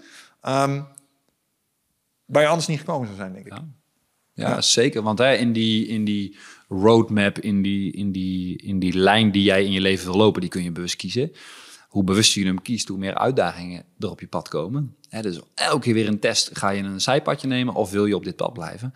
Ja, ik heb, ik heb daarin echt veel fase gehad. Ik denk, ja, maar mijn ego heeft me daar eventjes ook wel helpen doorheen beuken. Hè, en mijn podium pakken met twee poten op de grond van hier sta ik. Ja. En hier sta ik voor. En ik ga hier niet van afwijken. Hè, dus wat er op mijn pad komt, nu pak ik. Ja, ik geloof dat je daar je ego ook heel erg in nodig hebt. Dus ik, weet je, ik vind, een, hè, wij vinden allebei de, de spirituele hoek uh, het heel interessant en heel mooi. Uh, maar als je daar inderdaad de juiste westerse persoonlijke leiderschap, et cetera, uh, inzicht aan toevoegt, ja, vind ik hem beter. Maar dat is alleen maar om hoe ik ernaar kijk natuurlijk. Ja. Dus iemand die alleen maar egoloos uh, op een berg zit, geen geld verdienen mensen te helpen, die zal door een andere vizier kijken. En als die daarmee blij is, is dat, ja, is dat ook prima. Ik denk dat het, uh, het is een onderdeel van je menselijke aard. Dus als je naar menselijk gedrag kijkt en je wil bepaald gunstig gedrag uh, tevoorschijn toveren, dan geloof ik, en wat de Stoïcijnen zeggen, pillage from all sources. Dus het maakt niet uit op welke knop je drukt als je een bepaald effect sorteert. Ja. bijvoorbeeld vanuit egodynamieken. Ik, heb wel eens, ik werk met rivalen. Ja. Ik, ik, kijk gewoon naar mensen om me heen en ik denk, oh, we zitten ongeveer op hetzelfde niveau, maar jij doet het net iets beter. Wat doe jij wat ik niet doe? Ja. Hoe zorg ik dat ik jou voorbij kom? Ja. Snap je? Wat, wat kan ik leren van jou? Ik zeg, ja, is dat nou helemaal verlicht en uh, een eenheidsvang? Nee, maar het zorgt er wel voor dat ik bepaalde skills mijn eigen maak. Omdat ik een bepaalde drive voel op het moment. en dat is dan ego geladen. Maar ja, is dat nou noodzakelijk ja, maar erg die, dan? Ja, maar die, die voel ik ook wel heel erg bij stress en uh, young professionals. We komen dan een beetje op de darm en de energie en de dingen uit, maar ook op Hij is je hoofdpijn. niet vergeten. Nee, nee, nee ook, op, ook op hoofdpijn en slaapproblemen, noem het maar op. Um, we komen op ons pad dus ook narigheid tegen. Hè? Als nou ja, bijvoorbeeld lage energie en, en al die problemen. En wat ik altijd tijdens mijn lezingen cursussen zeg, op het moment dat je het aanvalsmodel hanteert. Sorry, mag ik, oh. mag ik ook nog een beetje? Oh ja, nog een beetje, nog een beetje water. Ja, goed, goed. Um, hè, dus op het moment dat je het aanvalsmodel han, um, hanteert, in die wijze L, ben je ook verantwoordelijk naar het zoeken voor een oplossing. En een van mijn statements is wel, en dat is niet alleen de young professional, dat is ook die uh, zeikende ondernemer van 50 die wel 80 uur werkt. Um, wat je, waar je heel erg aan verplicht bent, mensen weten niks van gezondheid, maar klagen er wel over. Ja, dus ik heb enorm veel young professionals persoonlijk gesproken, in groepen gesproken. Ja, ik heb uh, last van hoofdpijn en ik slaap slecht en daardoor ervaar ik weer meer stress. Ja. Hoe lang is dat al? Nou, toch al wel de afgelopen vijf jaar als ik stressvolle periodes heb. Oké. Okay. Wat weet jij van stress? Ja, de huisarts en de HR-medewerker die hebben gezegd dat ik stress ervaar. Dus als het druk is, moet ik rustig aan doen. Ja. Nee. Uh, oh, oké. Okay. Dus jij hebt vijf jaar lang last ergens van. En jij weet alleen maar één zinnetje te noemen over jouw probleem. Die geef ik wel vaak terug. Um, want ja, dat is jeetje, als ik darmklachten heb en uh, ja, ja, last, mijn darm zit hier, ja, dan los ik het niet mee op. Hè? En um, dat, is, dat is een heel belangrijk beginpunt om vervolgens uiteraard uit te komen in een zee van meningen over hoe je slaap en van je hoofdpijn afkomt en, en, je, en je dingen doet. Maar um, ja, ik spreek dus te veel jong professionals, ja, zoveel klachten. En dan geef ik ze een tool mee en zeggen ze, goh, had ik er nooit naar gekeken. Ik zei, ben je ook op zoek geweest? Niet echt. Ik denk, ja, wie zijn probleem is dat dan? Van de afgelopen vijf jaar. En wat heb jij jezelf aan mindset bevestigd dat stress slecht is? Door die hoofdpijn en door het slechte slapen. En dat heeft je dus alleen maar geholpen naar die muppetkant van Ja, stress. ik, ik herken deze trend. Denk je dat er, is dat gewoon een, is dat een generationeel ding? Is dat iets van deze tijd? Is dat iets wat we vroeger ook altijd al hadden? Is dat gewoon omdat wij een paar jaartjes ervaring hebben? hebben we altijd al gedaan. Ja? Als ik op verjaardagen zit en ik hoor eh, ooms en tantes, dan eh, zeggen ze aan de ene kant: Goh, Timo, jeetje, dat jij op die manier met gezondheid bezig bent. eh poef, nou, hè, je, doet, je doet er wel heel veel voor. Hè? Ik zeg altijd maar: doe maar normaal, dan doe je gek genoeg. Om vervolgens vijf minuten later hè, een compliment te krijgen. Jeetje, Timo, die bedrijf en die energie, wat doe je dat goed? En vervolgens zitten ze zelf te klagen over kniepijn die niet overgaat en dat ze niet kunnen afvallen. Ik denk, ja, waar hebben wij nu het gesprek totaal gemist? Ja. Hè, jij vindt, doe maar normaal, doe je al gek genoeg. Met overgewicht en een pijnlijke knie. En je complimenteert mij over mijn hoge energieniveau en dat ik drie bedrijven run. Terwijl je eigenlijk vindt dat ik te veel aan mijn gezondheid doe. Dat is raar. Dus dat is van alle generaties. We praten die shit gewoon goed. Dus ehm, we weten niks van vitaliteit. Niemand wordt opgevoed met ehm, de bijvoorbeeld drie laaghangende fruittips voor slaap. Of de drie laaghangende fruittips voor een hoog energieniveau. Ehm, kijken we op social media, dan vindt, schreeuwt elke guru nog harder dan de ander. Want we moeten allemaal ons whitepapertje e-book aanbieden. En je moet in mijn webinar, want je moet een programma kopen. En ik snap wel dat dat bij de young professional tot een ding komt van ja, alles wat ik google is goed en fout. Dus ik ga het maar niet meer opzoeken. Snap ik wel.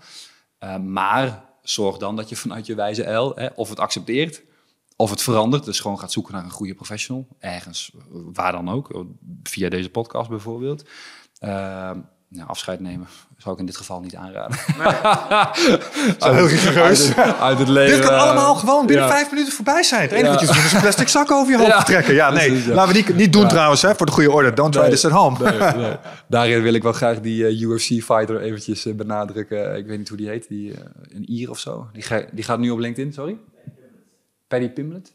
Ja, die uh, na zijn winst even had over, uh, over zelfmoord. En dat vooral dingen bespreekbaar moeten maken. Oh, over men mentale uh, gezondheid inderdaad. Ja, ja, ja, ja, dus, hè, dat wil ik daar, moet ik, voel ik me even verplicht om dat te zeggen.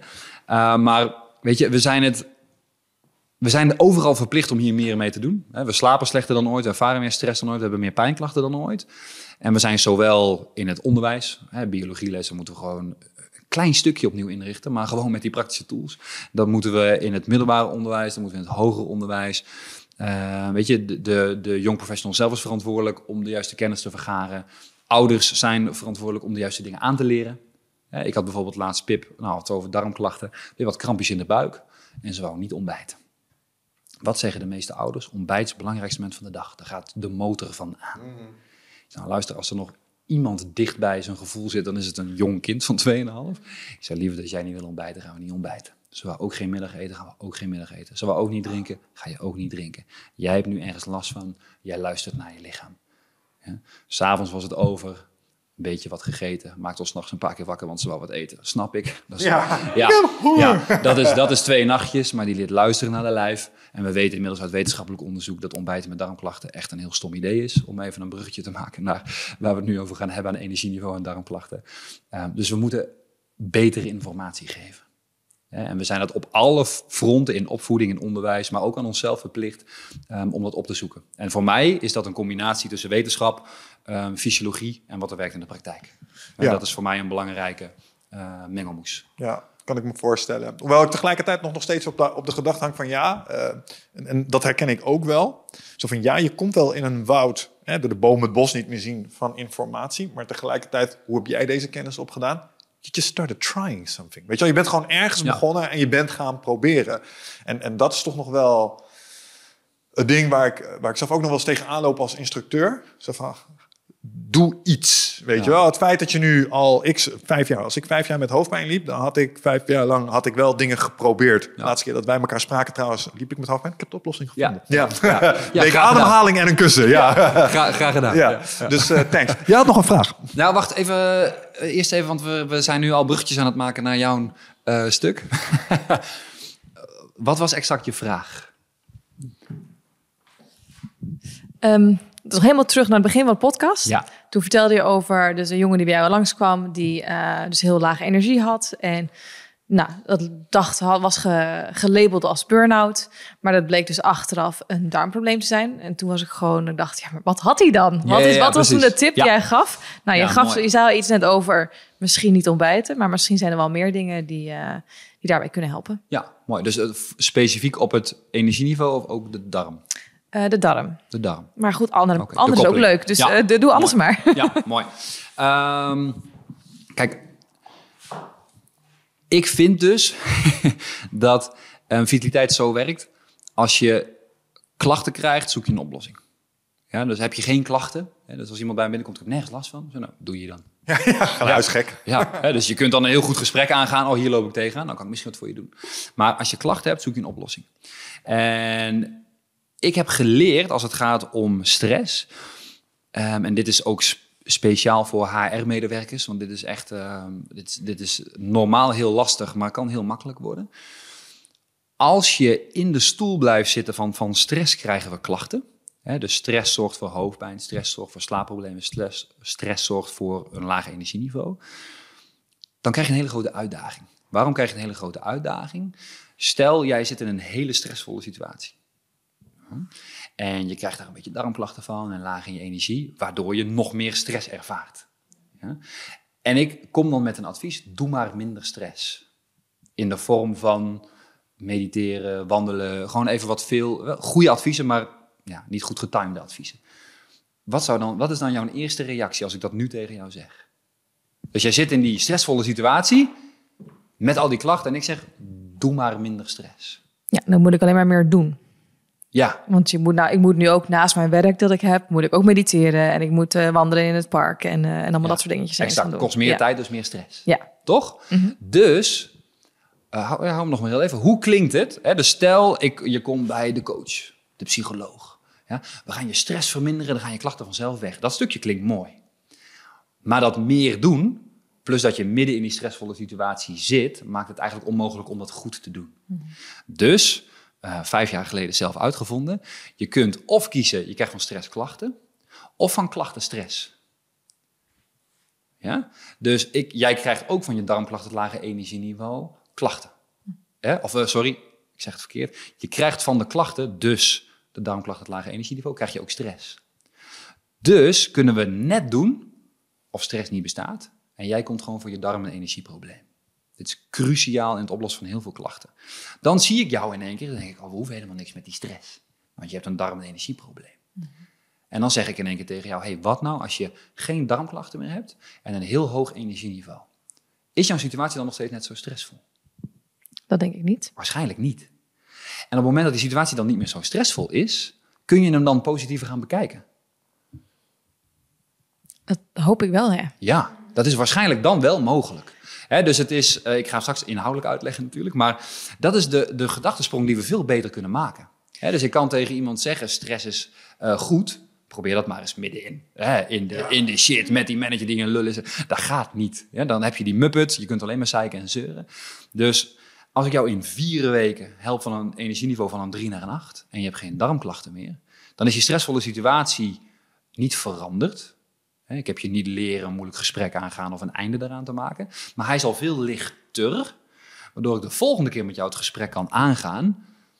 Hé, hey, maar heb je ervaren hoeveel minder stress dit geeft? Nou wil ik het graag met je hebben over die mindset en hoe we dat nog verder kunnen ontwikkelen. Zodat je daar op lange termijn vanaf blijft. Ehm, nou moet ik wel gelijk denken. Er zijn ook eh, best wat vrienden om me heen die hebben darmklachten. Die gaan dus naar het ziekenhuis, naar de huisarts. En dan wordt daar heel erg op ingezoomd. Ja, Eh, maar daarvan zie ik juist ook wel weer, als ik kijk naar hun hele leefstijl en hun stresspatroon, denk ik, hmm, Ja. misschien is altijd toch ook wat te winnen. Exact, Dus, exact. Dus, het- ehm, dus het mes dus- snijdt aan beide kanten. Dus aan de andere, ene kant vertel ik dit als spreker. Aan de andere kant heb ik een opleiding waar we inmiddels heel veel specialisten hebben die contact hebben met darmspecialisten in ziekenhuizen. En dan komen we op het laaghangend fruit en dan lossen we het op. Zullen we dat doen? Ja. Dan ehm, willen we dus een hoger energieniveau en we herkennen dat we darmklachten hebben. Die gaan vaak samen. Het hoeft niet het enige te zijn, maar ehm, die gaan wel vaak samen. Dan zijn er een paar dingen ehm, die we snel kunnen doen. Dus het is, ik hou er heel erg van dat de tips die je doet, dat je daar binnen vier weken heel veel effect van merkt. Ja, want uh, stel ik geef jou een tip en het werkt net niet. En je hoort op een verjaardag weer, ja, dat heb ik ook eens geprobeerd, het werkt niet. je hebt dat te lachen. oh, die afvallen, ja, ach man, dat ging zo langzaam. Ja, wat ga je dan doen? Ga je stoppen. Ja, je, je gaat daarmee stoppen. Dus als het in een korte tijd heel veel werkt, en je komt dan op een feestje en je zegt, nou, dat zou ik nooit willen proberen. Dan zeg je, prima, maar ik heb dit echt ervaren. Als, ik jou, uh, als jij nu iemand tegenkomt en die zegt, ah, hoofdpijn en uh, ademhaling hebben niks met elkaar te maken. Dan zeg jij, ja, hou op gek, probeer het. Ja, ja. ja, ja hè, dus, hè, want jij hebt het ervaren. Dus het grootste laaghangend fruit, we hebben het hier, ik denk in de eerste podcast over gehad, is hoe vaak we eten. Dat is vaak ook een veel lagere drempel dan wat we eten. Want als ik met jou met darmklachten, je komt bij mij, je zegt ja, we moeten toch even naar jouw voedingspatroon kijken. En we gaan even een schema opstellen. Geeft dat dan meer of minder stress vaak? Ja, denk oh jongens, jongens, jongens, weet je wel, nieuwe maaltijden, moeilijk, blah, calorieën tellen misschien nog wel, al die gekkigheid erbij. Op het moment dat ik zeg, hé, hey, wacht even, je mag gewoon hetzelfde blijven eten, maar je eet minder vaak. Ja, dus uh, het maximaal aantal maaltijden wat je eet op een dag is drie. Ja. En het minimaal aantal maaltijden is twee. Ja, dus je gaat uh, vier dagen, ga je gewoon drie maaltijden eten en drie dagen twee maaltijden. Je slaat het ontbijt over. Ja, dus op, op een, een dag met twee maaltijden, lunchen en avondeten. Ja. Als dat de basis is, lijkt dat haalbaar in eerste instantie? Moi. Wat is het eerste waarvan je denkt, dat vind ik lastig? Iemand reageren trouwens. ja, zeker. Voel je vrij. Voel je vrij. Um, nou, ik doe dit toevallig best wel vaak. Oh, dus je hebt geen vraag. uh, maar dus de reactie erop, wat ik dus zelf ervaar, wat daar ook lastig aan is, is dat je dan dus denkt, oh nee, ik mag niet eten. Of, hè, dus dan is er toch de hele tijd een strijd met, oh nee, nog niet. Nog even wachten, nog even wachten tot de klok. Oh, maar ik heb zo'n honger. Oké, maar we gaan om 12 uur lunchen. Dan krijg je dat. dus het hongergevoel zorgt ervoor dat je gedrag hebt waarvan je denkt, ik ben bezig met eten. Ja, en dan kan ik me dus niet meer focussen op Nee. Het model wat ik aan het runnen ben op mijn werk bijvoorbeeld. Ja, exact. Ja, dat is niet het, niet hè, dan kunnen we niet waarde leveren aan de basis waardoor je drie dagen mag gaan werken. Ja. kom, je, kom je in een probleem. Dus wat daarin belangrijk is, is als we het eerst hebben over hoe vaak je eet, dan geeft dat vast al wel wat rustigere darmen. Mhm. Heb je geprobeerd, werkt dat? Uh, ja, uiteindelijk wel. Ja, precies. Dus, hè, dus bij de meeste mensen werkt dat. Dus dan hebben we in ieder geval een oplossing voor dat probleem. dus je hebt minder darmklachten. Wat we nog niet hebben, is hè, hongergevoel klopt niet. Dus dan zul je hoe dan ook wat meer inhoudelijk naar het eten moeten kijken. Niet met grote aanpassingen, maar hè, we hebben wel uh, genoeg eiwitten, vetten binnen te krijgen. En minder maaltijden betekent niet minder vaak eten. Uh, wat zeg ik? Zeg ik dat goed? Nee, sorry, ik zeg het niet goed. Minder maaltijden nuttigen betekent niet minder eten. Ja, dus als je normaal op een dag genoeg eet van je denkt, hey, ik heb geen honger, geen trek, dan moeten diezelfde dingen verdeeld worden over twee of drie maaltijden. Dus wat jou wellicht beter zou passen, is um, dat je zegt, hé, hey, wacht even, misschien heb je het al wel geprobeerd. Ik uh, begin om 12 uur met lunchen en ik mag tot en met 7 uur s avonds gewoon eten. Mm -hmm. Ja, dan heb je nog steeds van 7 uur s avonds tot 12 uur in de middag, hebben je, je darmen heel veel rust. En er zijn heel veel fysiologische processen waar we het nu over kunnen hebben. Maar er gebeurt heel veel in je lichaam waardoor je meer energie krijgt. En tussen 12 en 7 kun je genoeg binnenkrijgen, waar je waarschijnlijk binnen twee, drie dagen denkt: ah, wacht even, nu zit ik wel vol. Ja, nu zit ik wel goed. En er zitten natuurlijk een paar nuggets in. En dat, weet je, dat komt in lezingen, trainingen, komt het wel voorbij. Maar stel bijvoorbeeld, um, je eet nog steeds um, te veel suiker. Stel dat zou zo zijn, word je afhankelijk van de bloedsuikerspiegel. Zeg je lichaam nog steeds, honger. Terwijl dat misschien wel helemaal niet zo is. Stel, um, je hebt erbij een slaapprobleem. Ja, dan gaan de hormonen die uh, tot verzadiging leiden, die gaan juist de andere kant op. Waardoor het maakt niet uit hoeveel je eet, mm. um, dat je toch een trekgevoel houdt. Ja, dus zo um, doe ik zeker mijn best om het zo makkelijk mogelijk te maken. We hebben altijd met zes pijlers te maken. Ja, slaap, stress, voeding, het immuunsysteem bewegen en ademhalen. En meestal werkt het laaghangend vooruit snel en heel goed. En doet het het niet, dan moeten we even kijken wat dat doet. Ja, en wat daarin wel het leuke is, en ik ga jullie ook allemaal een toegangscode geven. Ik ben als spreker, um, heb ik achter mijn website een portaal hangen. Waar ehm, allereerst een stress course in staat. Waar gewoon lekker korte video's en wat oefeningetjes. Kun je gewoon lekker in je eigen tempo doorheen als je dat wilt natuurlijk. En er zit ook een ehm, plek bij waar je vragen kunt stellen. Bijvoorbeeld een vraag als deze. Hé, maar ik loop hier tegenaan. Ja. Ehm, maar waar ik ook extra content in ga zetten om juist uh, deze podcast bijvoorbeeld, met jullie URL zal ik, zal ik uiteraard doen. Dankjewel. ja, ja, ja, ja, ik, uh, ik weet heel goed wat ik fijn vind, maar ook wat jullie fijn vinden. maar ook heel veel interviews met young professionals, met groepjes young professionals. 12 augustus bijvoorbeeld sta ik op een foodtruck festival met young professionals van Deloitte. Om weet je, wel, op deze manier dat gesprek aan te gaan, zodat andere young professionals dat weer kunnen luisteren. En gewoon lekker via een makkelijk toegankelijk portaal, waar je dus van elkaar kunt leren. Ja, dus met zo'n stapje, ja, maar nou hou ik honger, um, zullen heel veel mensen zeggen, ja, dan stop ik er maar weer mee, werkt niet. Om vervolgens bij de volgende persoon te zeggen, nee, dat werkt niet, dat moet je niet doen. Maar het werkt al wel, je darmklachten, helpt het al wel weg. Dus dat is heel veel waard. En dan is gewoon kijken, hey, wat mis ik nog? En dan ligt het hem waarschijnlijk in eiwitten, bloedsuikerspiegel, misschien wel slaap. En dan kun je vanuit daar gewoon weer verder kijken. Alright.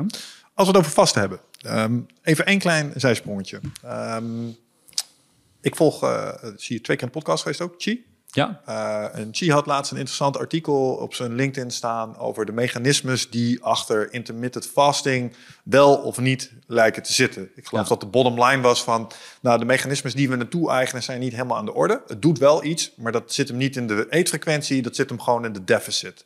Als ik heel kort door de bocht ga. Dat is heel kort. Oké, okay, ja, maar je, je, ik, ik wel. ik, ik, ja. ik wil even weten, ja. uh, want ik, ik, ik uh, sta er technisch te ver vanaf om volledig te begrijpen mm -hmm. wat dat zit. Maar um, wat was de nuance die hij daar aanbracht?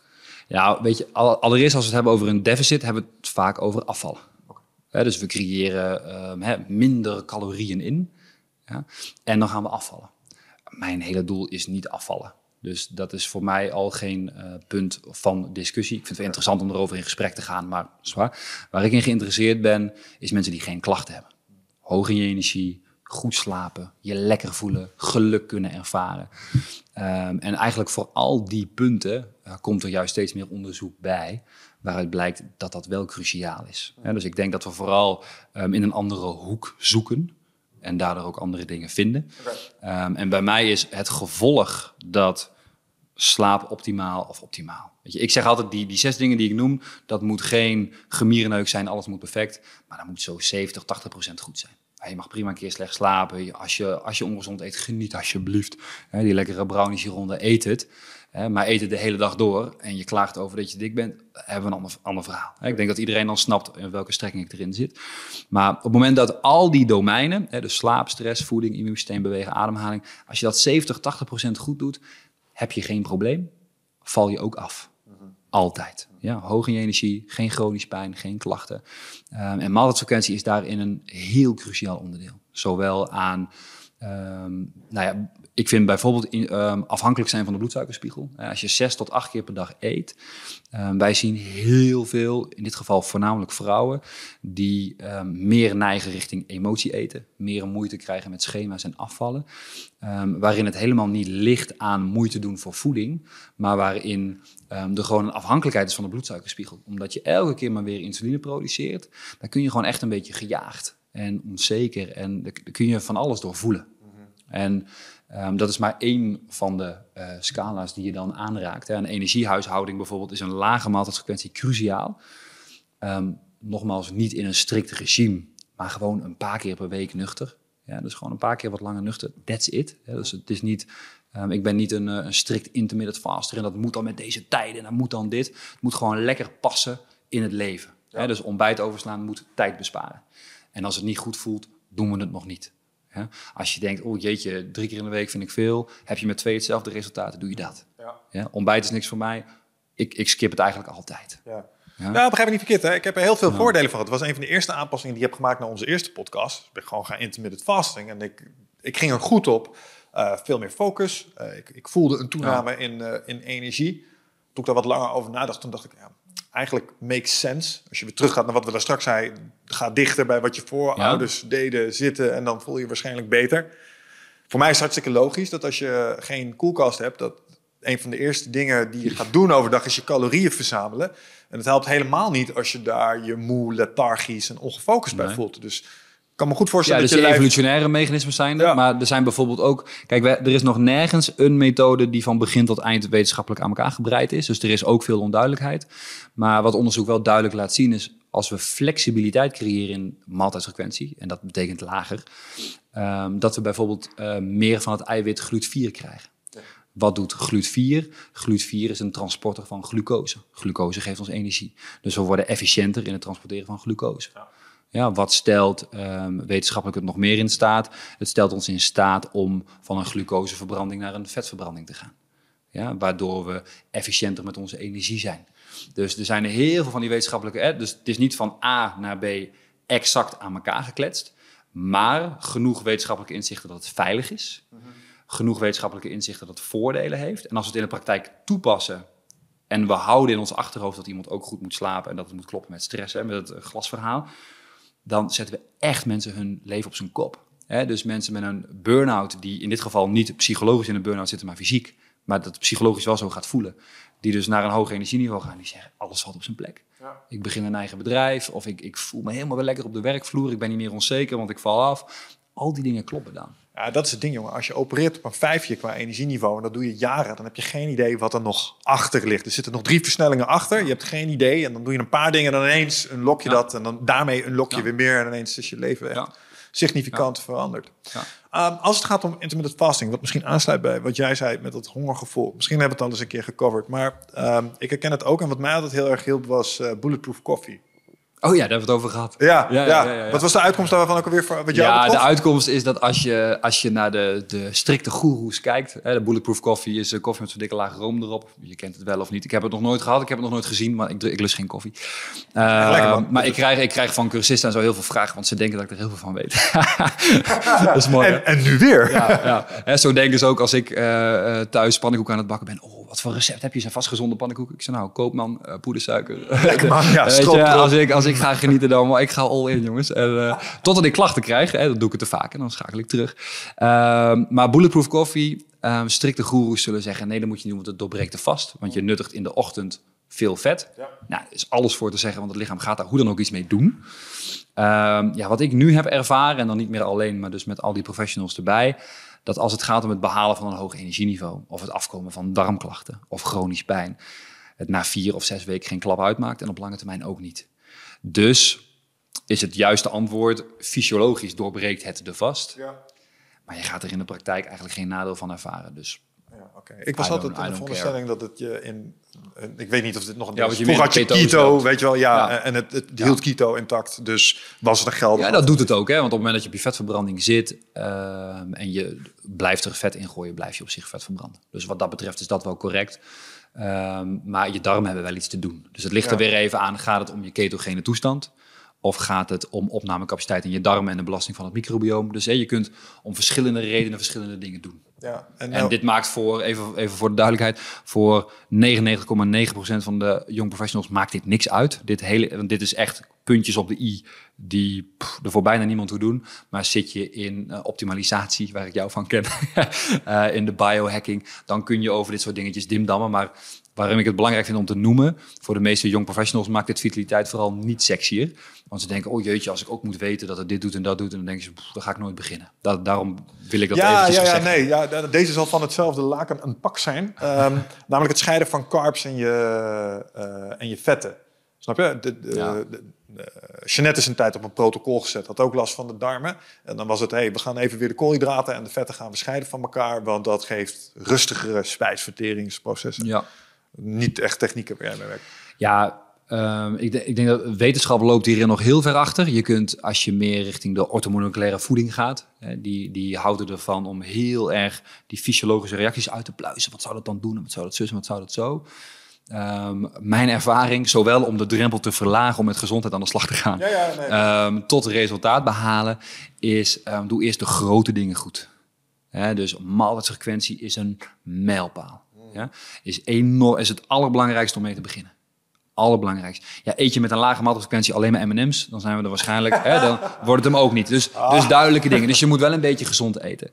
En mijn ervaring is op dit moment heel sterk dat als je voldoende goed slaapt, als stress oké is, als voeding oké is, ehm, dan kun je koolhydraten, eiwitten, vetten prima combineren.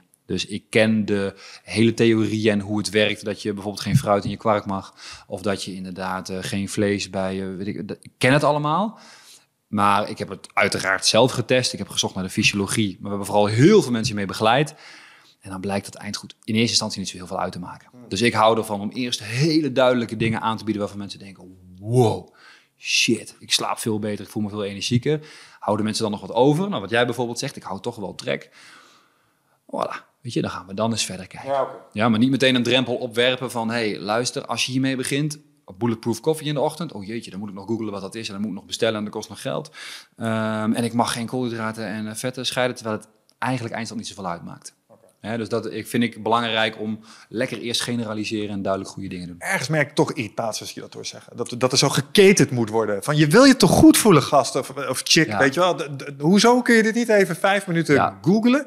Ja, dus uh, daar, daar, loop ik zelf als instructeur nog wel eens tegenaan. Zo van, mm. Klopt, klopt. Maar um, één, mensen die echt in een laag energieniveau zitten, echt in een stressvolle situatie zitten, zijn paarden met oogklep op. Die snap ik. Ja? En op het moment dat je binnen vier weken echt al iets heel goeds hebt gedaan, wat 70% van de klachten wegneemt, dan kun je in één keer al die dingen met iemand bespreken. Ja, dus het gaat meer om volgorde en tactiek. dus als ik spreek, dan reik ik een aantal dingen aan die altijd werken voor 90% van de zaal. Waardoor ze fan worden, het zij van de methode, het zij hoe ik het heb gebracht, dat maakt me dan niet uit. Waardoor ze verder gaan zoeken. Terwijl op het moment dat in mijn lezing alleen maar van die dingetjes zitten waarvan mensen denken, oef, en, en ze hebben die oogkleppen nog op, dan sorteer ik geen effect. En dat is, dat is het lastige. En aan de andere kant, inderdaad, richting instructeur en personal trainers, hoe vaak zeggen we wel niet: neem een bulletproof koffie, neem een magnesium voor je slaapprobleem. En hebben we geen idee of dat bij die persoon gaat werken. Mm. dus hij, hij snijdt aan twee kanten. Uh, waar we gewoon ja, daarin altijd wel, wel kritisch mogen zijn. Kijken wat het beste effect geeft. Maar ik voel wel je ding. Als ik op een verjaardag zeg: iemand heeft ziekte van Crohn. En ik begin net te vertellen over iemand die we samen met een specialist medicatievrij hebben geholpen. En die voelt zich weer de papa die die wil zijn. En de energie spat er vanaf. En dat ding. En dat gaat allemaal goed. En iemand daarnaast met ziekte van Crohn zegt: ja, dat werkt bij mij waarschijnlijk niet. Ja, dan is ook het enige wat ik wil doen eigenlijk over tafel trekken.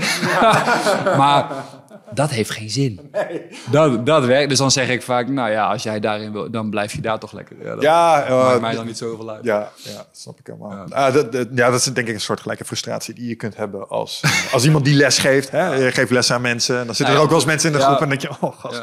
Nou ja, kijk maar naar, uh, naar stress. Uh, jullie hebben vast ook eh, vrienden, uh, vriendinnen, dierbaren die wel eens in een stressvolle situatie zitten.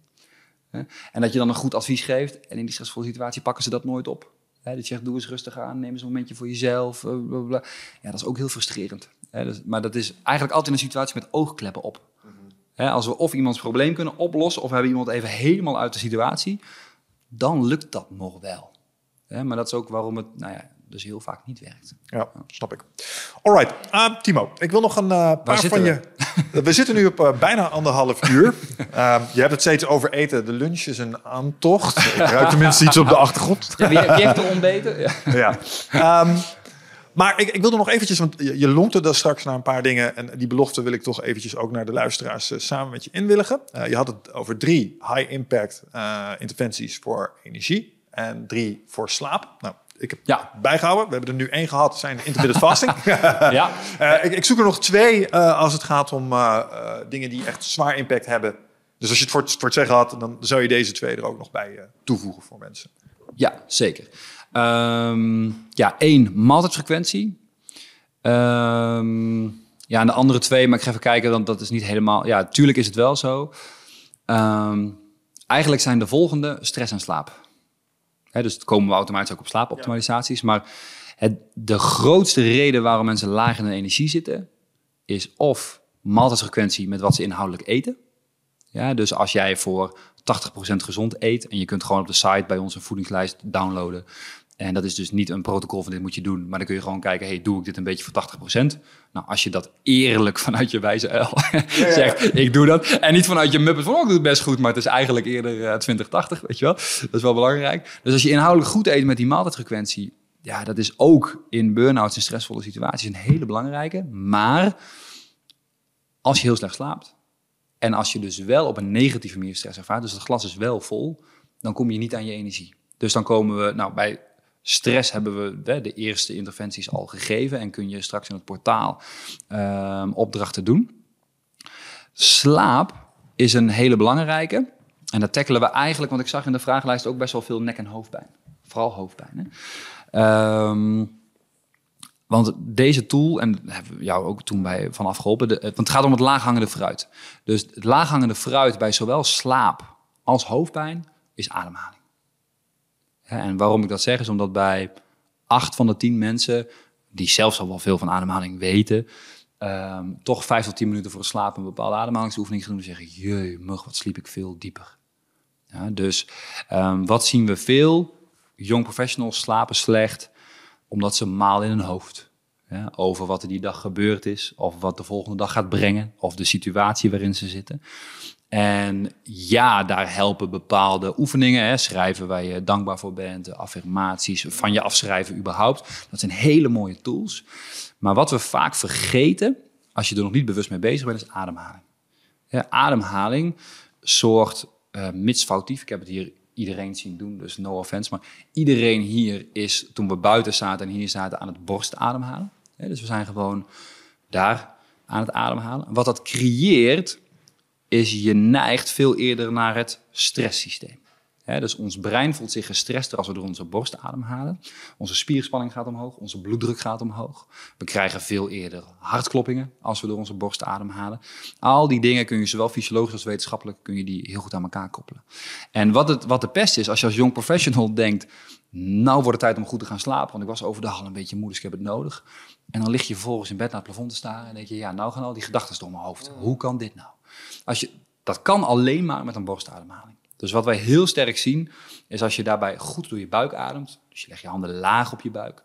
Je ademt relaxed drie, vier seconden in, zes tot acht seconden uit. En je let ook een beetje op je ontspanning, hè, dus dat je wel een beetje relaxed ligt. Dan verdwijnen nou, 80% van die stemmen uit het hoofd verdwijnen al. Dat heeft dan helemaal nog niks met van je afschrijven te maken of andere dingen. Omdat Ehm, het lichaam wel in die rustmodus kan komen. Ja, en dan, daarin zien we, als je dat vijf tot tien minuutjes doet voor het slapen gaan, gewoon op bed natuurlijk, dat is de allermakkelijkste tool. Hè, want je ligt al op bed, dus echt huiswerk is het niet. En heel veel mensen slapen in één keer door, schrikken s ochtends in één keer wakker, dat ze denken, jee, maar heb ik, heb, ik, heb ik echt geslapen nu?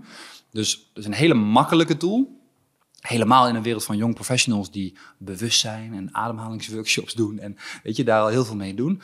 Maar weet je, doe het een week en je stopt er nooit meer mee.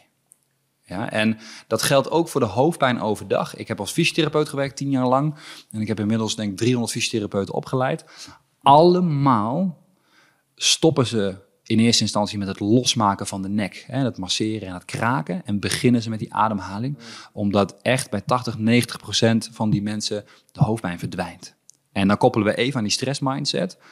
Als je in een muppet mindset zit, met chronisch stress is slecht, en je ervaart hoofdpijn, is dat een bevestiging. Zie je wel, het werkt weer niet. Ik heb weer zo'n belangrijke vergadering of een deadline en het komt weer omhoog. Zie je wel, het doet het niet. En uh, met als gevolg hoofdpijn, met als gevolg minder energie, met als gevolg meer stress. Ja, en ons limbisch systeem slaat die ervaring met die emotie op en de volgende keer, oh weer. En misschien nog wel eerder en misschien nog wel heftiger. In die groeimindset komt je wijze el om de hoek. En denkt, hé, hey, wacht even, ik heb hoofdpijn. Ik heb wel geleerd dat dat niet per se aan stress hoeft te liggen. Ik geloof hem nog niet, die man met die baard die dat verteld heeft. Dat is prima, hè? die hoeft dat niet meteen al te geloven. Maar hij zei ook iets van ademhaling. Als je dan vijf minuutjes door je buik ademt en je voelt je hoofdpijn wegzakken, dan matcht dat in één keer bij die wijze L. Die zegt, hé, hey, wacht even, maar dan kwam het dus niet per se door de stress, maar door wat ik fysiologisch doe. Ja, en dat haakt weer aan op al die andere dingen die we met die mindset besproken hebben. En dan ga je de eerste drie tot vijf tot tien keer dat die uh, hoofdpijn opkomt, gewoon door je buik ademhalen en bevestig je voor jezelf. En met de DAEA-productie zorg je ervoor dat je op lange termijn het überhaupt niet meer nodig hebt. Ja, ja, nou, er komt eh, hier een, uh, even eerst even in oh, ja. praktisch aspect. Dat is altijd heel fijn meteen naar de tool, ja? En meerdere, dus ja. Ik vroeg me even af um, waar ik zelf echt heel erg van uh, kan genieten. En dat is soms een beetje gekker, uh, zeker voor de party naast je ligt, is een tapeje op je mond plakken als je gaat slapen, dat je echt ja. door je neus ademt. Ik, dan word ik in één keer wakker en denk ik echt, ja. wauw. Ja. Ja, klopt. En dat is heel leuk, want voor de mensen die nu luisteren, die denken, mijn mond afplakken. Ehm, en je ziet tegenwoordig goeroes op Instagram het wel doen. Helemaal voor iedereen zou dat moeten proberen. Ja, Ja, Patrick wij, McCowan ehm, uh, zou je ja. eens kunnen luisteren. Ja, Dus ja, we, je ja. hebt eh, een podcast van Patrick McEwen ook, hè? Ja, die, ja, Ja. Patrick, oh, McEwen, McCowan, ik zeg al McCowan, maar... Ja, nee, McEwen, maar zwaar. Ehm, daar ging het ook nog heel even over mij, hoorde ik. Dus dat vond ik wel grappig om te horen. Ehm, maar weet je, iedereen die slecht slaapt, die zou en of ja, buikademhaling moeten proberen en gewoon een tapeje over zijn mond moeten doen. En dat hoeft er niet. Mensen die luisteren, die, die som, Duct tape, hè? Echt, echte mond. duct tape, twee keer om Het je hoofd kan. heen, zo. Weet je, het kan, het kan met een, het kan met een eh, schildersteepje met twee lusjes gewoon overdwars over je mond. Hè? Dus, eh, dat je hem gewoon heel makkelijk eraf kan halen. Als je denkt, dat kan ik niet, dan kijk je eens het nieuws even een keer met een tapeje om even die drempel te verlagen. Want sommige mensen, nou, dat zie ik op Instagram, dat is extreem. Niks extreems. Je hoort alleen maar te ademen door je neus, in en uit. En als je sport en als je een beetje druk bent, mag het natuurlijk met je mond. Dat moet gewoon lekker gebeuren. Ehm, dat is cruciaal en heel belangrijk. En wij hebben nu met 500 eh, specialisten testen we uit bij mensen met slaapapneu. Die nog niet het apparaat in huis hebben. Even voor de luisteraars, het gaat wel om veiligheid hier. Ja, ja dat, eh, want dat, ik ben ervan overtuigd dat het daar ook werkt. Maar ik ben nog heel erg aan het kaderen waar we, waar we zijn hiermee. Ehm, wat we in ieder geval vinden, is dat mensen die slaapapneu hebben, nog geen apparaat in huis hebben, die hun mond tapen, vaak binnen twee tot drie weken van hun slaapapneu af zijn. Soms al eerder. Holy shit. Ja, en dat is niet een open uitnodiging voor iedereen om alleen maar te experimenteren. Uh, we leiden professionals op. uh, en op, op de site van Physics Academy kun je ze, kun je ze vinden. Uh, zijn geen mensen die 10.000 euro vragen voor advies. Zijn gewoon goede kundige professionals. Vaak fysiotherapeuten. Maar weet je, ik wil wel de professionaliteit erin halen. En dat, dat mensen zelf iets gaan doen en een negatieve ervaring hebben, wil ik er. Uh, wil ik ja, zeker als je met je zuurstof uh, gaat lopen klungelen. Dat is uh, redelijk cruciaal schijnt. Dus daar wil je geen risico's nee, mee precies. lopen. En weet je, de, waarom ik het wel nu noem... en dat ik blij ben dat je het noemt ook, dus dank je wel... is omdat deze manier van met je zuurstof kloot is alleen maar efficiënt. Um, waar um, het andere spectrum... Hè, dus je hebt Patrick McEwen meer aan de efficiëntiekant... je hebt Wim Hof meer aan de extreme kant... Um, waar ik ook, weet je, ik ben van beide fan, dus dat, daar gaat het niet om. Maar waar de Wim Hof kant eerder wat begeleiding nodig heeft, Ja. hè, omdat je daarvan van je stokje kan gaan of andere dingen, is ook heel veilig, mits je dat volgt en luistert naar wat er moet gebeuren. Um, bij die kant van een tapeje, ja, dat kan echt geen kwaad. Hè, dus dat, Nee. maar, maar dan nog, zoek eerst een professional, want wij zien ook wel um, dat als mensen het effect niet behalen, op een andere manier een slaapprobleem hebben, of dat het meer vanuit een darm komt, of dat soort dingen. Dus dan is het fijn om dat kundig eh, in beeld gebracht te hebben. Ja, Ja. nou, Patrick gaf eh, off-camera in, eh, na het interview ook wel aan dat het... ehm, eh, als je het verkeer, onder verkeerde... Laat, laat ik het zo zeggen. Hij, hij wilde niemand dissen, maar hij zegt... er zijn wel een boel ademhalingscoaches en die doen gewoon gevaarlijke dingen. Ja, ja, ja. Want het, is, het is adem, snap je? Ja. En als je het op de verkeerde manier doet... en je gaat met zuurstofspanning werken en zo... Kan je een hyperventilatieaanval krijgen. Ja, kan je gewoon van je 100%. stokje gaan. Dus hij waarschuwde ook echt heel beduidend voor... Ja, ehm, ga er niet te lichtzinnig mee om. Nee, nee, nee. En je moet niet zomaar eh, hè, bij elke persoon eh, die geen credibility heeft op Instagram een ademhalingsding volgt. Dat je denkt, oh, dat ga ik eens doen. Maar even weten wat hij gedaan heeft, hoe goed hij is. Dat is, Eh, weet je, dus je kunt betrouwbaarheid, maar dan moet je hè, vanuit je wijze L check je het altijd. Dus kun je nooit van een koude kermis thuiskomen. Maar tegenwoordig zijn er heel veel muppets die zeggen, ja, nou, ik heb het geprobeerd, werd ik heel duizelig. Ik zei, ja, wat heb je gedaan? Ja, alleen. Ja, en je hebt ook nog voor de helft maar gedaan wat ik zei. Ja, precies. Ja, en wie heeft hier dan Het was ook in het verantwoordelijkheid verkeer, voor? terwijl ik aan het uitrijden was, ja, weet je wel. hè? Ja, ja oké, eh, ja, precies. En ja, wie, wie neemt hier nou verantwoordelijkheid? Ja, ja ik dus niet. Nee, precies. Nee, Dus snap ik. Oké. Jij wou Check, ook nog... ja. eh, Ja, want ik doe inderdaad ook wel eens, eh, nou wat je zegt, eh, meditatie, ademhalings, in ieder geval tot rust kom oefeningen. ja? En dan voel ik dus echt iets heel raars, namelijk mijn lijf is totaal ontspannen, relaxed, maar ik krijg in één keer enorm hoofdpijn. Nou, Juist dan. Ja. Ja, dat, dat is niet goed. No shit, Sherlock. Ja, nee, ja, dat is, nou, maar dat is wel, weet je, ehm, van de, laten we even zeggen, van, van de 50 mensen komt er, komt er bijvoorbeeld één, één met zoiets. Hè? Dus dat, maar dat is belangrijk en dat is fijn dat dat, dat, dat komt. Ehm, het is niet een reden om het niet te doen. Het is wel een open uitnodiging om te kijken, hé, hey, wacht even, waarom is die reactie er? Dus wat we heel erg kennen, wat we jong professionals, wat we iedereen moeten leren, ook die oude rotten en die managers die er eh, niks van bakken, ehm, is dat op het moment dat je bijvoorbeeld ehm, met vakantie gaat, die met de eerste twee dagen ziek, of je komt eindelijk een keer tot ontspanning en je krijgt klachten, dat dat dat je lichaam je dan iets probeert te vertellen. In plaats van, och, dat heb ik weer. En dat heb ik elke vakantie. En over tien jaar vertel ik bij mijn collega's aan het koffiezetapparaat dat dat normaal is. Want dan vindt die young professional die binnenkomt, die zegt ik was ziek, die vindt dat ook ineens normaal. Terwijl als de young professionals nu leren dat is niet normaal, dat is een signaal. Ja, dan gaan die dat ervaren. En de volgende lichting, ja, young professionals, millennials, wat we maar gaan noemen wat hierna komt. ehm, dan gaan we zeggen, hé, maar ho even, als dat gebeurt, dan betekent dat dit. Dan zijn we echt iets aan het veranderen. En wat er veel gebeurt is ehm, in stress, vooral in negatieve zin. Dus als het goed is, gaat er komende weken bij jou iets veranderen. Helemaal met eventueel die course, als je die wil volgen. En ik wil graag ook je ervaring eh, tracken. Is ehm, allereerst, als wij stress op een negatieve manier ervaren, is cortisol de hoofdmoot. Cortisol mobiliseert energie voor de stress. En niet voor andere processen in ons lichaam. Als ons immuunsysteem of herstel aan een Achillespees. Of dat heeft niet de prioriteit, want we hebben stress. En daarin is stress evolutionair uiteraard, het heeft de prioriteit. Dus de energie gaat daar naartoe. Op het moment dat jij bewust ademhaling inschakelt om te ontspannen, dan ontspan je wel, maar dan zegt het lichaam, ah, righty. Ja, nu is eh, cortisol eh, minder. Eh, Studies laten zien dat dat gebeurt. Nu is er energie voor iets anders. En dan krijg je bijvoorbeeld hoofdpijn. Ja, of dan krijg je andere klachten. Het zij van het detoxen van een lever. Hè, daar kun je hoofdpijn van krijgen. Dat proces komt dan in één keer op gang s'avonds. Um, dus dat zegt niet stop niet doen, je krijgt er hoofdpijn van. Het zegt ergens onderliggend klopt er nog iets niet. En dat kan zijn deze manier van stress, waardoor je toch ook kwalitatief nog beter slaapt, uh, überhaupt minder hoofdpijn krijgt. Nou, daar kom je vanzelf achter. um, en verder in het proces kan dat nog iets anders zijn met slaap. Of uh, nog iets zijn met voeding. Of weet je, misschien ergens nog wel een onderliggend darmprobleem. Maar dat, is, dat verhoogt de drempel. Hè? Dus eerst maar eens de, de dingen proberen die het waarschijnlijk zijn. Uh, maar we moeten vooral dat zoiets als hoofdpijn moeten we echt als een signaal gaan zien. Van hé, hey, wat interessant, ik ontspan, maar ik ervaar wat slechts. Hè, dat is geen, geen uitnodiging om alleen maar in de stress te blijven. maar dat had je al wel, uh, al wel getackeld natuurlijk. Ja, het is heel tegenstrijdig, want je denkt, hé, hey, nou doe ik iets goeds en dan ervaar ik nog een negatief effect. En dat is, nou, met sommige dingen in, in vitaliteit is dat zo.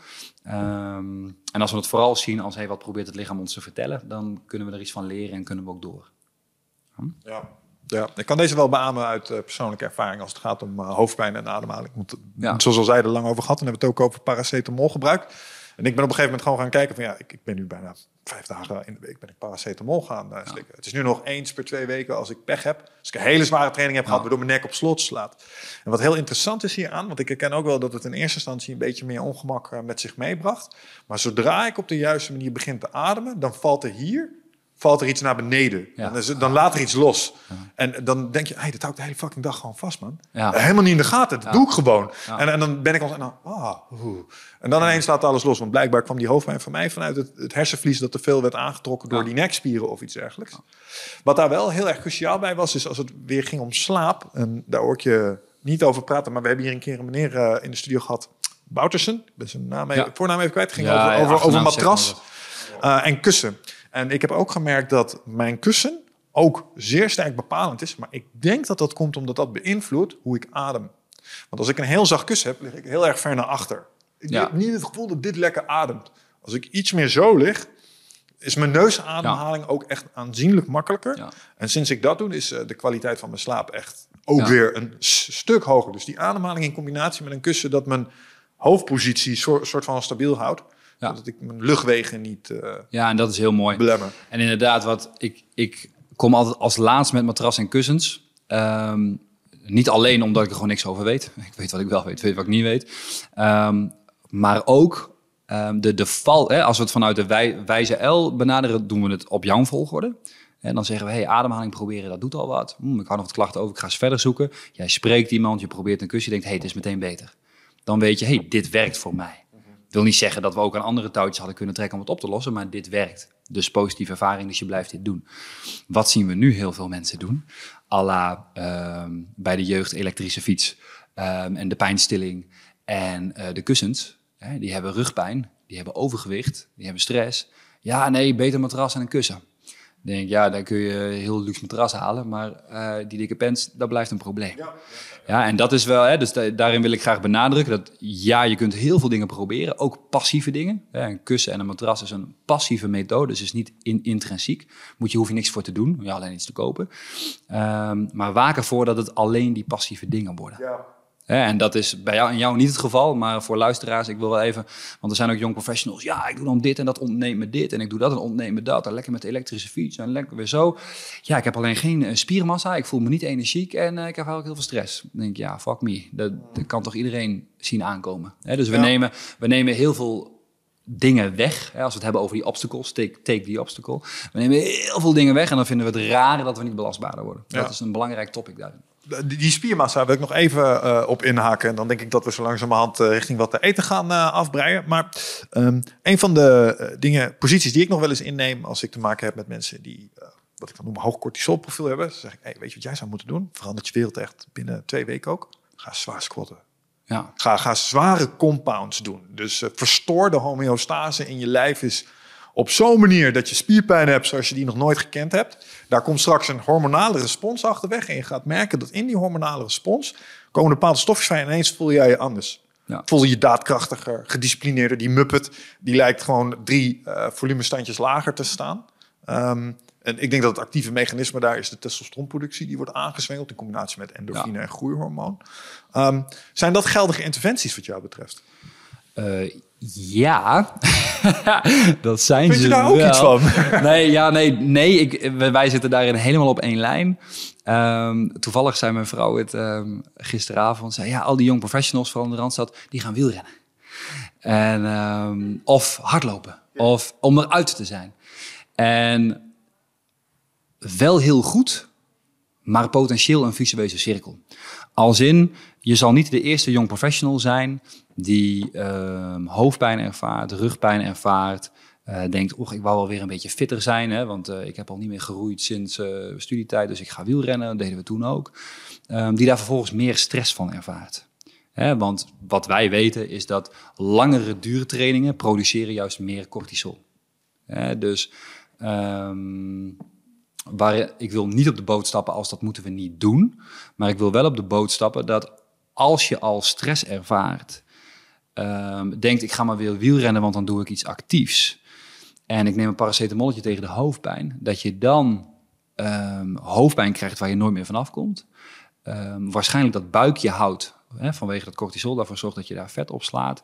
En je helemaal niet zo mega veel energieker voelt op de lange termijn. Wel op de korte termijn van hé, hey, ik ga iets doen en goed. En, en dat is het ook. Maar zorg dat er genoeg dingen kloppen. Want wat zorgt bijvoorbeeld, nou ja, hoofdpijn is al één. Houding op de wielrenfiets is niet altijd voortreffelijk. Draagt er ook niet zo heel veel aan bij.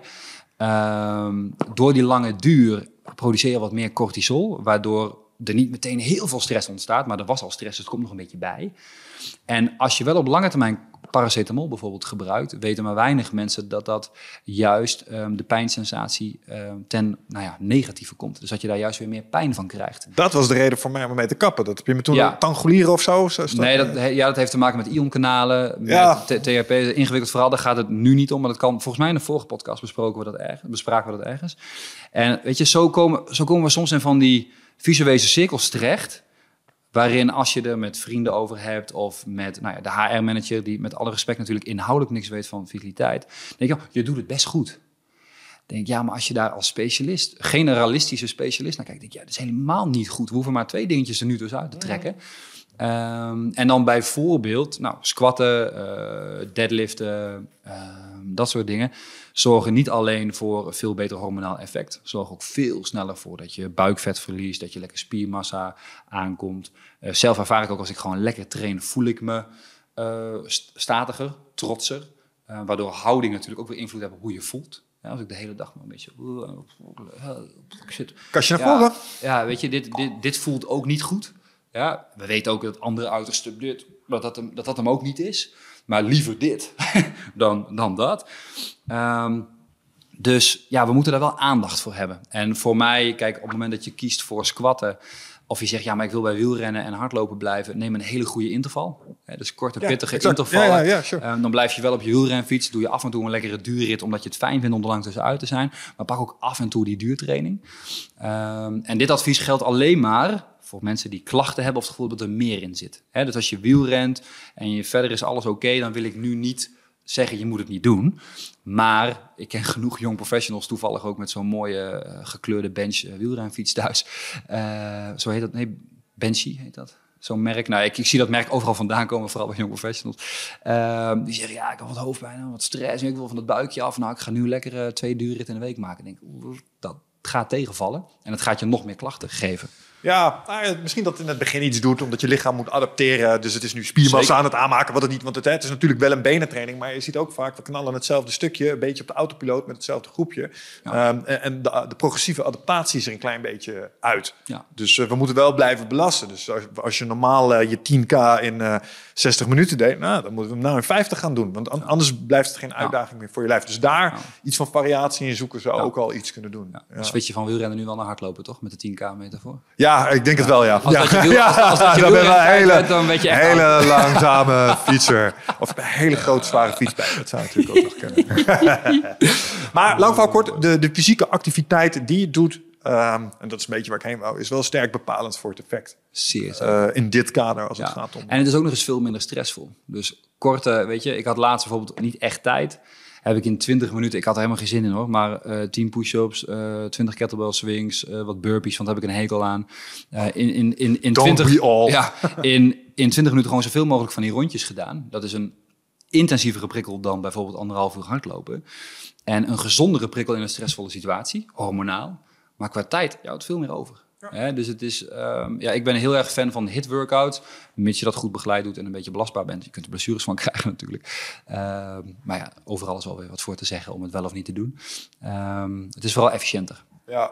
Efficiënter en gezonder. En ook daar is denk ik het verschil tussen iets en niet doen is fenomenaal. Dus als jij het voor elkaar weet te krijgen om 20 minuutjes iets te doen wat een, Ja. een, een, een beetje verstoort. Ik bedoel, het hoeft niet eens tot de max te zijn. Ik ben al, ik ben al blij met een 6,5 eh in tegenstelling tot niks geven, Ja, snap je? Dat ben ik ook veel meer gaan waarderen. En daarom noem ik ook vaak hè, onbewust die drempel te verlagen.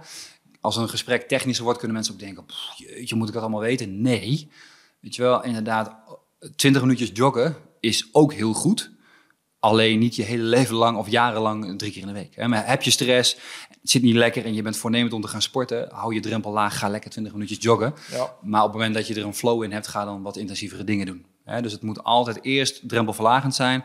En als je dat lekker oont, je krijgt meer energie, dan hou je meer tijd over. Met die tijd die je over hebt, kun je dingen wat beter doen. Ik denk dat dat is een fijne aanpak. Ja. Geloof jij in ehm, het koppelen van je trainingintensiteit aan, je, ehm, aan hoe je je voelt?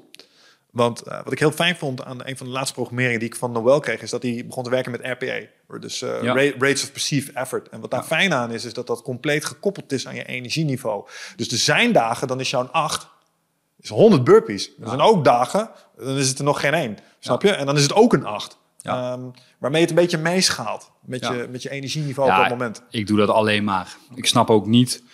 ehm, ik snap niet dat mensen dat niet doen. No pain, no gain. Je, kunt niet, je kunt niet zeggen, oké, dit is mijn schema en no matter what, ik ga het doen. Slaap een nacht slecht, ehm, heb een stressvolle periode op je werk en je voelt je na zo'n workout gewoon kloten. Dus kun je hem beter met de dimmer afschalen.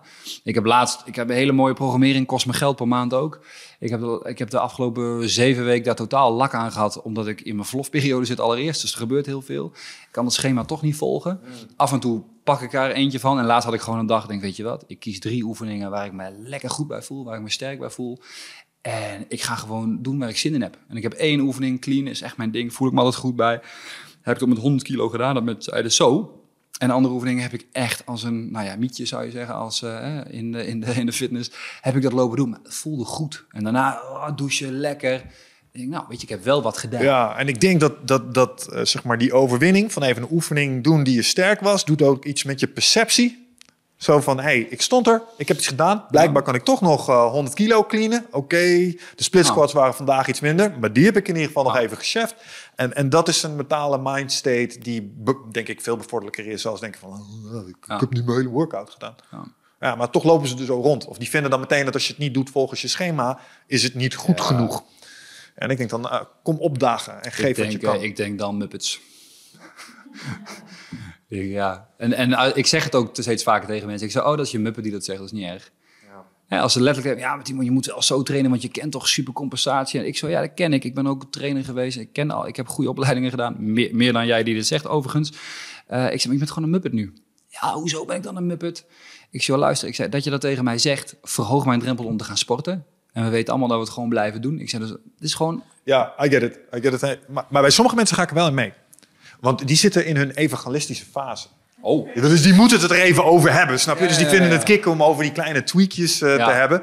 Die zijn op een bepaalde, uh, op een bepaalde manier erin gedoken, zeg maar. Da daar is het wel leuk om er lekker mee te geeken. Ja, de, de, evangelistische fase. Ja, maar dan ga jij uit je wijze el bewust mee in de fase. Dat is, dat is ook. Okay. Ja. dat mogen, mag je altijd doen. Ja, ja. Ik doe het ook wel eens met iemand. daar hebben we allebei... Uh, ja, ik heb het wel eens gedaan met iemand die had zo'n voedingsconsulentencursus van de LOI gedaan.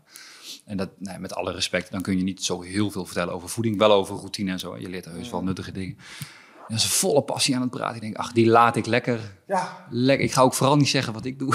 ja, ja. dat, ja, kikken. Haaks. Ik zei, oh, wat gaaf, man. Je gaat mensen helpen. En dat, dingen, dat is een beetje hetzelfde als ja. iemand die uh, net uh, Braziliaans jiu-jitsu heeft ontdekt. Daar lekker op een verjaardag over zit te vertellen. Maar ondertussen zit je naast een zwarte bander. Die ja. gewoon, oh, leuk man, vertel meer, weet je ja. Maar dan is het de kracht om dat even lekker hè, toe te laten. Tenzij iemand wat heel schadelijks gaat doen, dan mag je daar misschien ook in grijpen. Misschien moet je dat niet willen. Ja, ik snap het.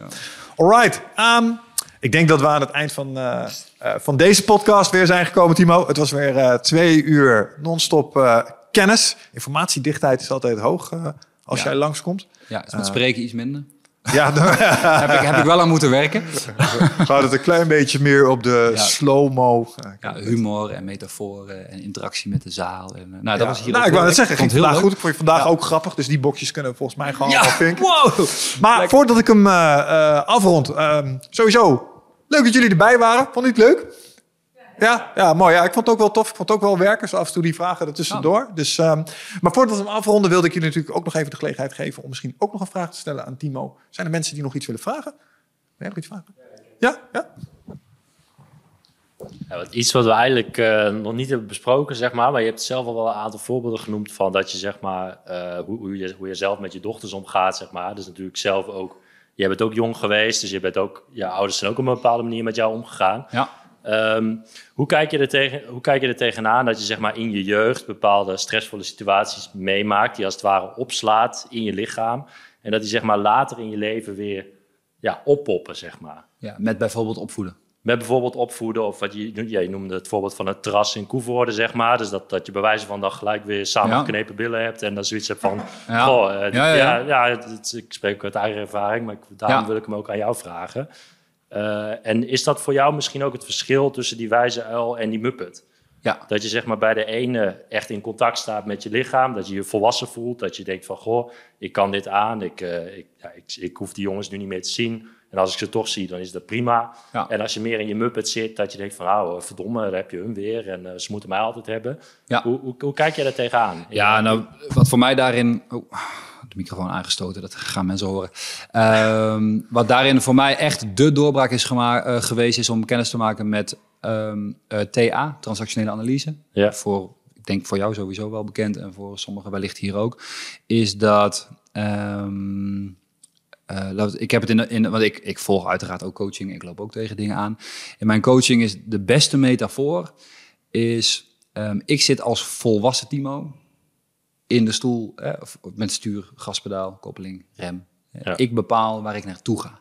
Ja. En als ik in mijn volwassen Timo zit, dan bepaal ik mijn koers. Dan zeg ik wat ik leuk vind, wat ik niet leuk vind. Dan knuffel ik die pester in plaats van om in een mode te schieten. Dan denk ik, hey, ik ben, ik ben oké. Okay. Dat is ook een mooie affirmatie. Ik ben 100% oké, okay, wat ik ook doe. Ja, ook als ik een keer iets kuts doe, iedereen doet dat. Ik ben nog steeds helemaal oké. Okay. Ja, dus dat is, dat is de volwassen Timo. Ik heb ook een kleine Timo. Hè, kleine Timo die is vroeger gepest. Die heeft geleerd dat het nooit goed genoeg is. Die heeft geleerd dat er geen geld is. Ja, niet in negatieve zin van mijn ouders, maar ik heb het natuurlijk wel meegekregen. Ja, je slaat het op als het ware, in je lijf ook, denk ik. Ja, en in je, in je brein. In je hoofd, ik weet niet ja. waar, het, waar het opslaat, maar in ieder geval in mijn brein. Dus op het moment dat ik me daar niet van bewust ben, dan zit kleine Timo op de achterbank en die trekt aan de handrem. Hè, dus ik ben onderweg in mijn leven en ik denk, oh, wat gaat dit moeilijk. En ik deed altijd harder op het gaspedaal trappen. Weet je, nog een keer schakelen. Oké, wel doorgaan. grinden, eh, ziek zijn in de vakanties, eh, doordoen. Eh, als het medicijn zagrijnig worden, gewoon zeg dat het erbij hoort. Zo ben ik. Dat, is het gewoon. Terwijl ik heb geleerd om die handrem los te halen. Dus, oh, wacht even, wat gebeurt er nu? Hè, bijvoorbeeld afgelopen nacht, wat gebeurt er nu? Pip, mijn dochtertje, die neemt al mijn ruimte in. Ik vind dat ik er om half zeven uit ga om goed voorbereid te zijn, om te douchen en om hier goed scherp te zijn. Ik vind dat ik dat verdien als professional, omdat ik kom hier waarde bieden. En ik vind het vet en ik wil dat doen. Pip kent die principes niet. ja, die, zit in haar, die, zit, die zit in haar eigen Ja. eh, speelgoed eh, s- Ja. eh, zonder handrem. Ja, En die denkt, maakt niet uit. ja, Ja, ik ben nu gewoon wakker. Ja.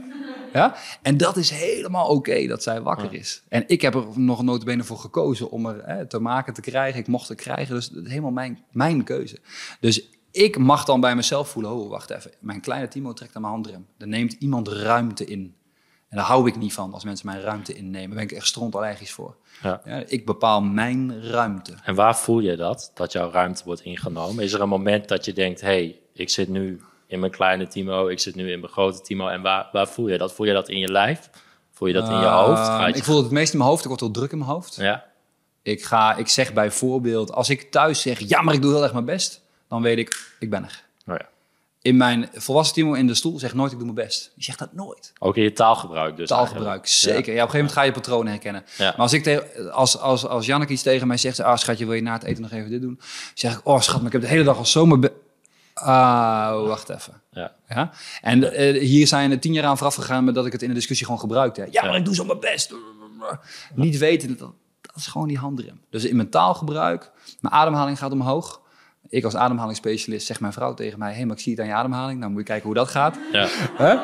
Als je ergens naar een muppet wil, denk ik... ah, schat, jij tegen mij dat zeggen, Ja, ja. weet je wel? Ja, maar ik zie bij jou... eh, Je hebt het doel bereikt, ja. En wat voor mij een hele belangrijke is, in mijn Muppetstand, ik denk meteen in ruilen.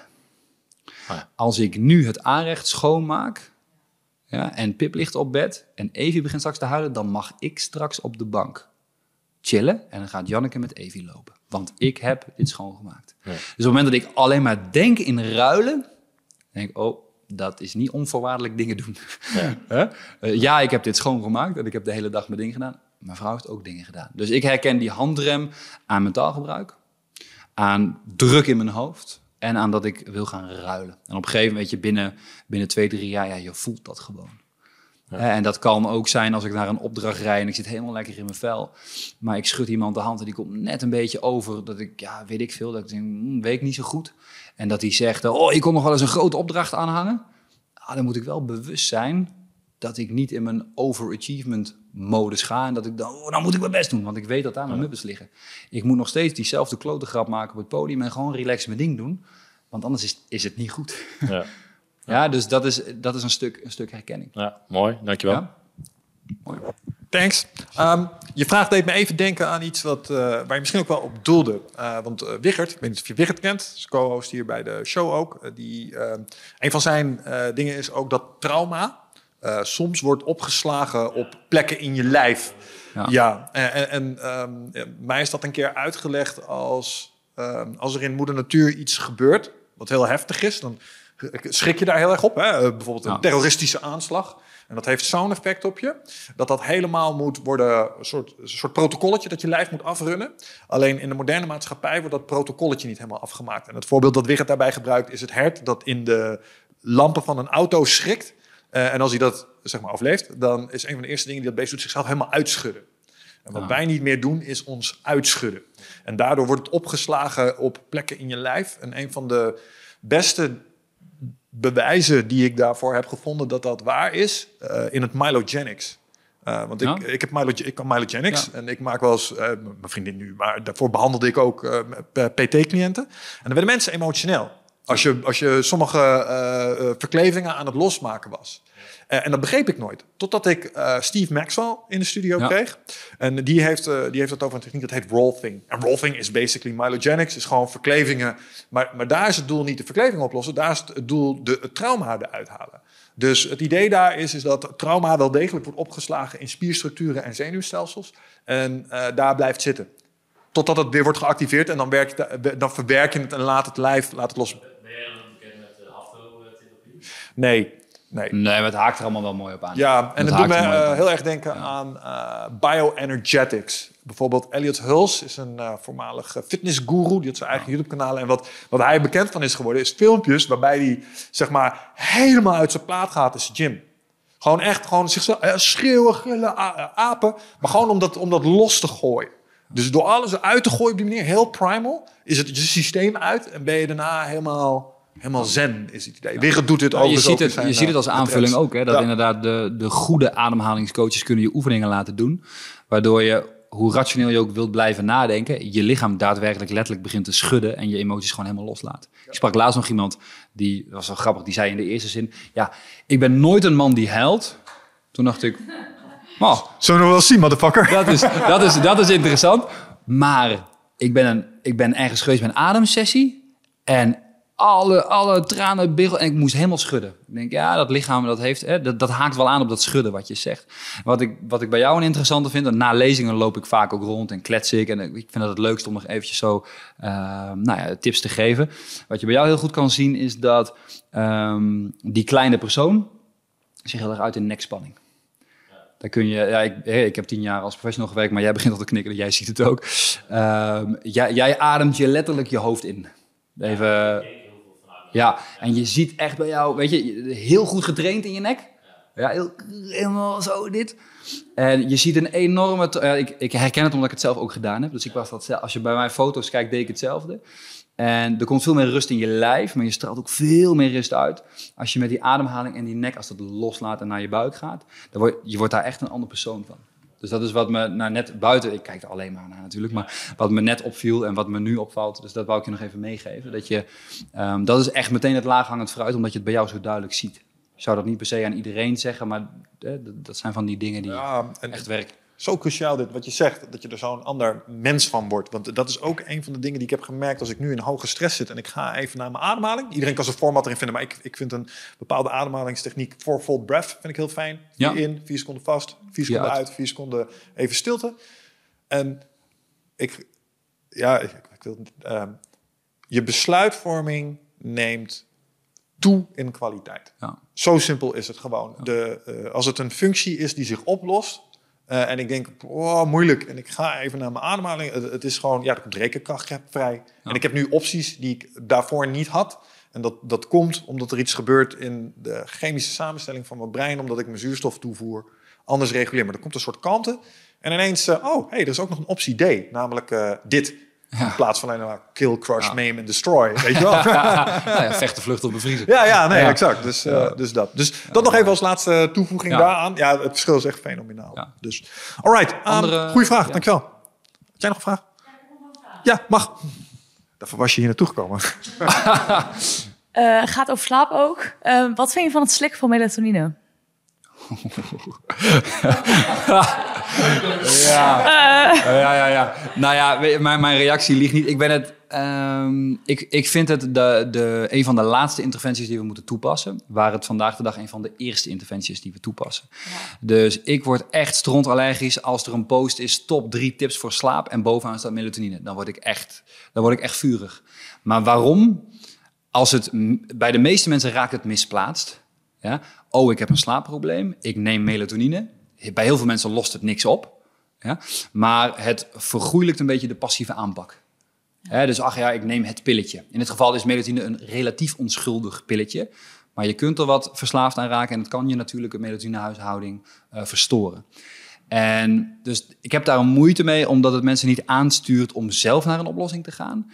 Ehm, welke volgorde ik liever zie, is eerst ademhaling. Dan is nog steeds bij heel veel mensen het probleem opgelost. Specifiek op melatonine, om de vraag te stellen: waar komt melatonine vandaan? Ja, ik heb meerdere slaapprofessionals gesproken die zeggen: ja, ik adviseer melatonine. Ik zeg: ah, oké. Zeg, waar komt dat vandaan? Ja, als het donker wordt, wordt het geproduceerd. Ik zeg, ja, dat weet iedereen, maar waar komt het dan vandaan? Eh, ja, niet over nagedacht. Ik zeg, wow, ik zeg, dus je een slaapprofessional en, en je gaat melatonine adviseren, terwijl je de hele fysiologie niet kent. Ja, dus jij weet hem misschien wel. Ik zie je, ik zie je redelijk... Oh nee, niet? Oké. Ehm, we hebben verschillende eiwitten in ons lichaam. Ja, of uh, verschillende. We hebben eiwitten, die kunnen we opsplitsen in aminozuren. Ja. Eén van die aminozuren is L-tryptofaan. Mag je, de naam mag je weer vergeten. Maar overdag is het een belangrijk eiwit. Is ook bijvoorbeeld uh, verantwoordelijk, uh, mede verantwoordelijk voor serotonine. Serotonine is ons gelukshormoon. Ja, dus daar is het in betrokken. Eén van de restproducten is... Uh, of nee, wacht, nee we blijven bij die serotonine. Anders wordt het een te lang verhaal. In de avond wordt serotonine omgezet in melatonine.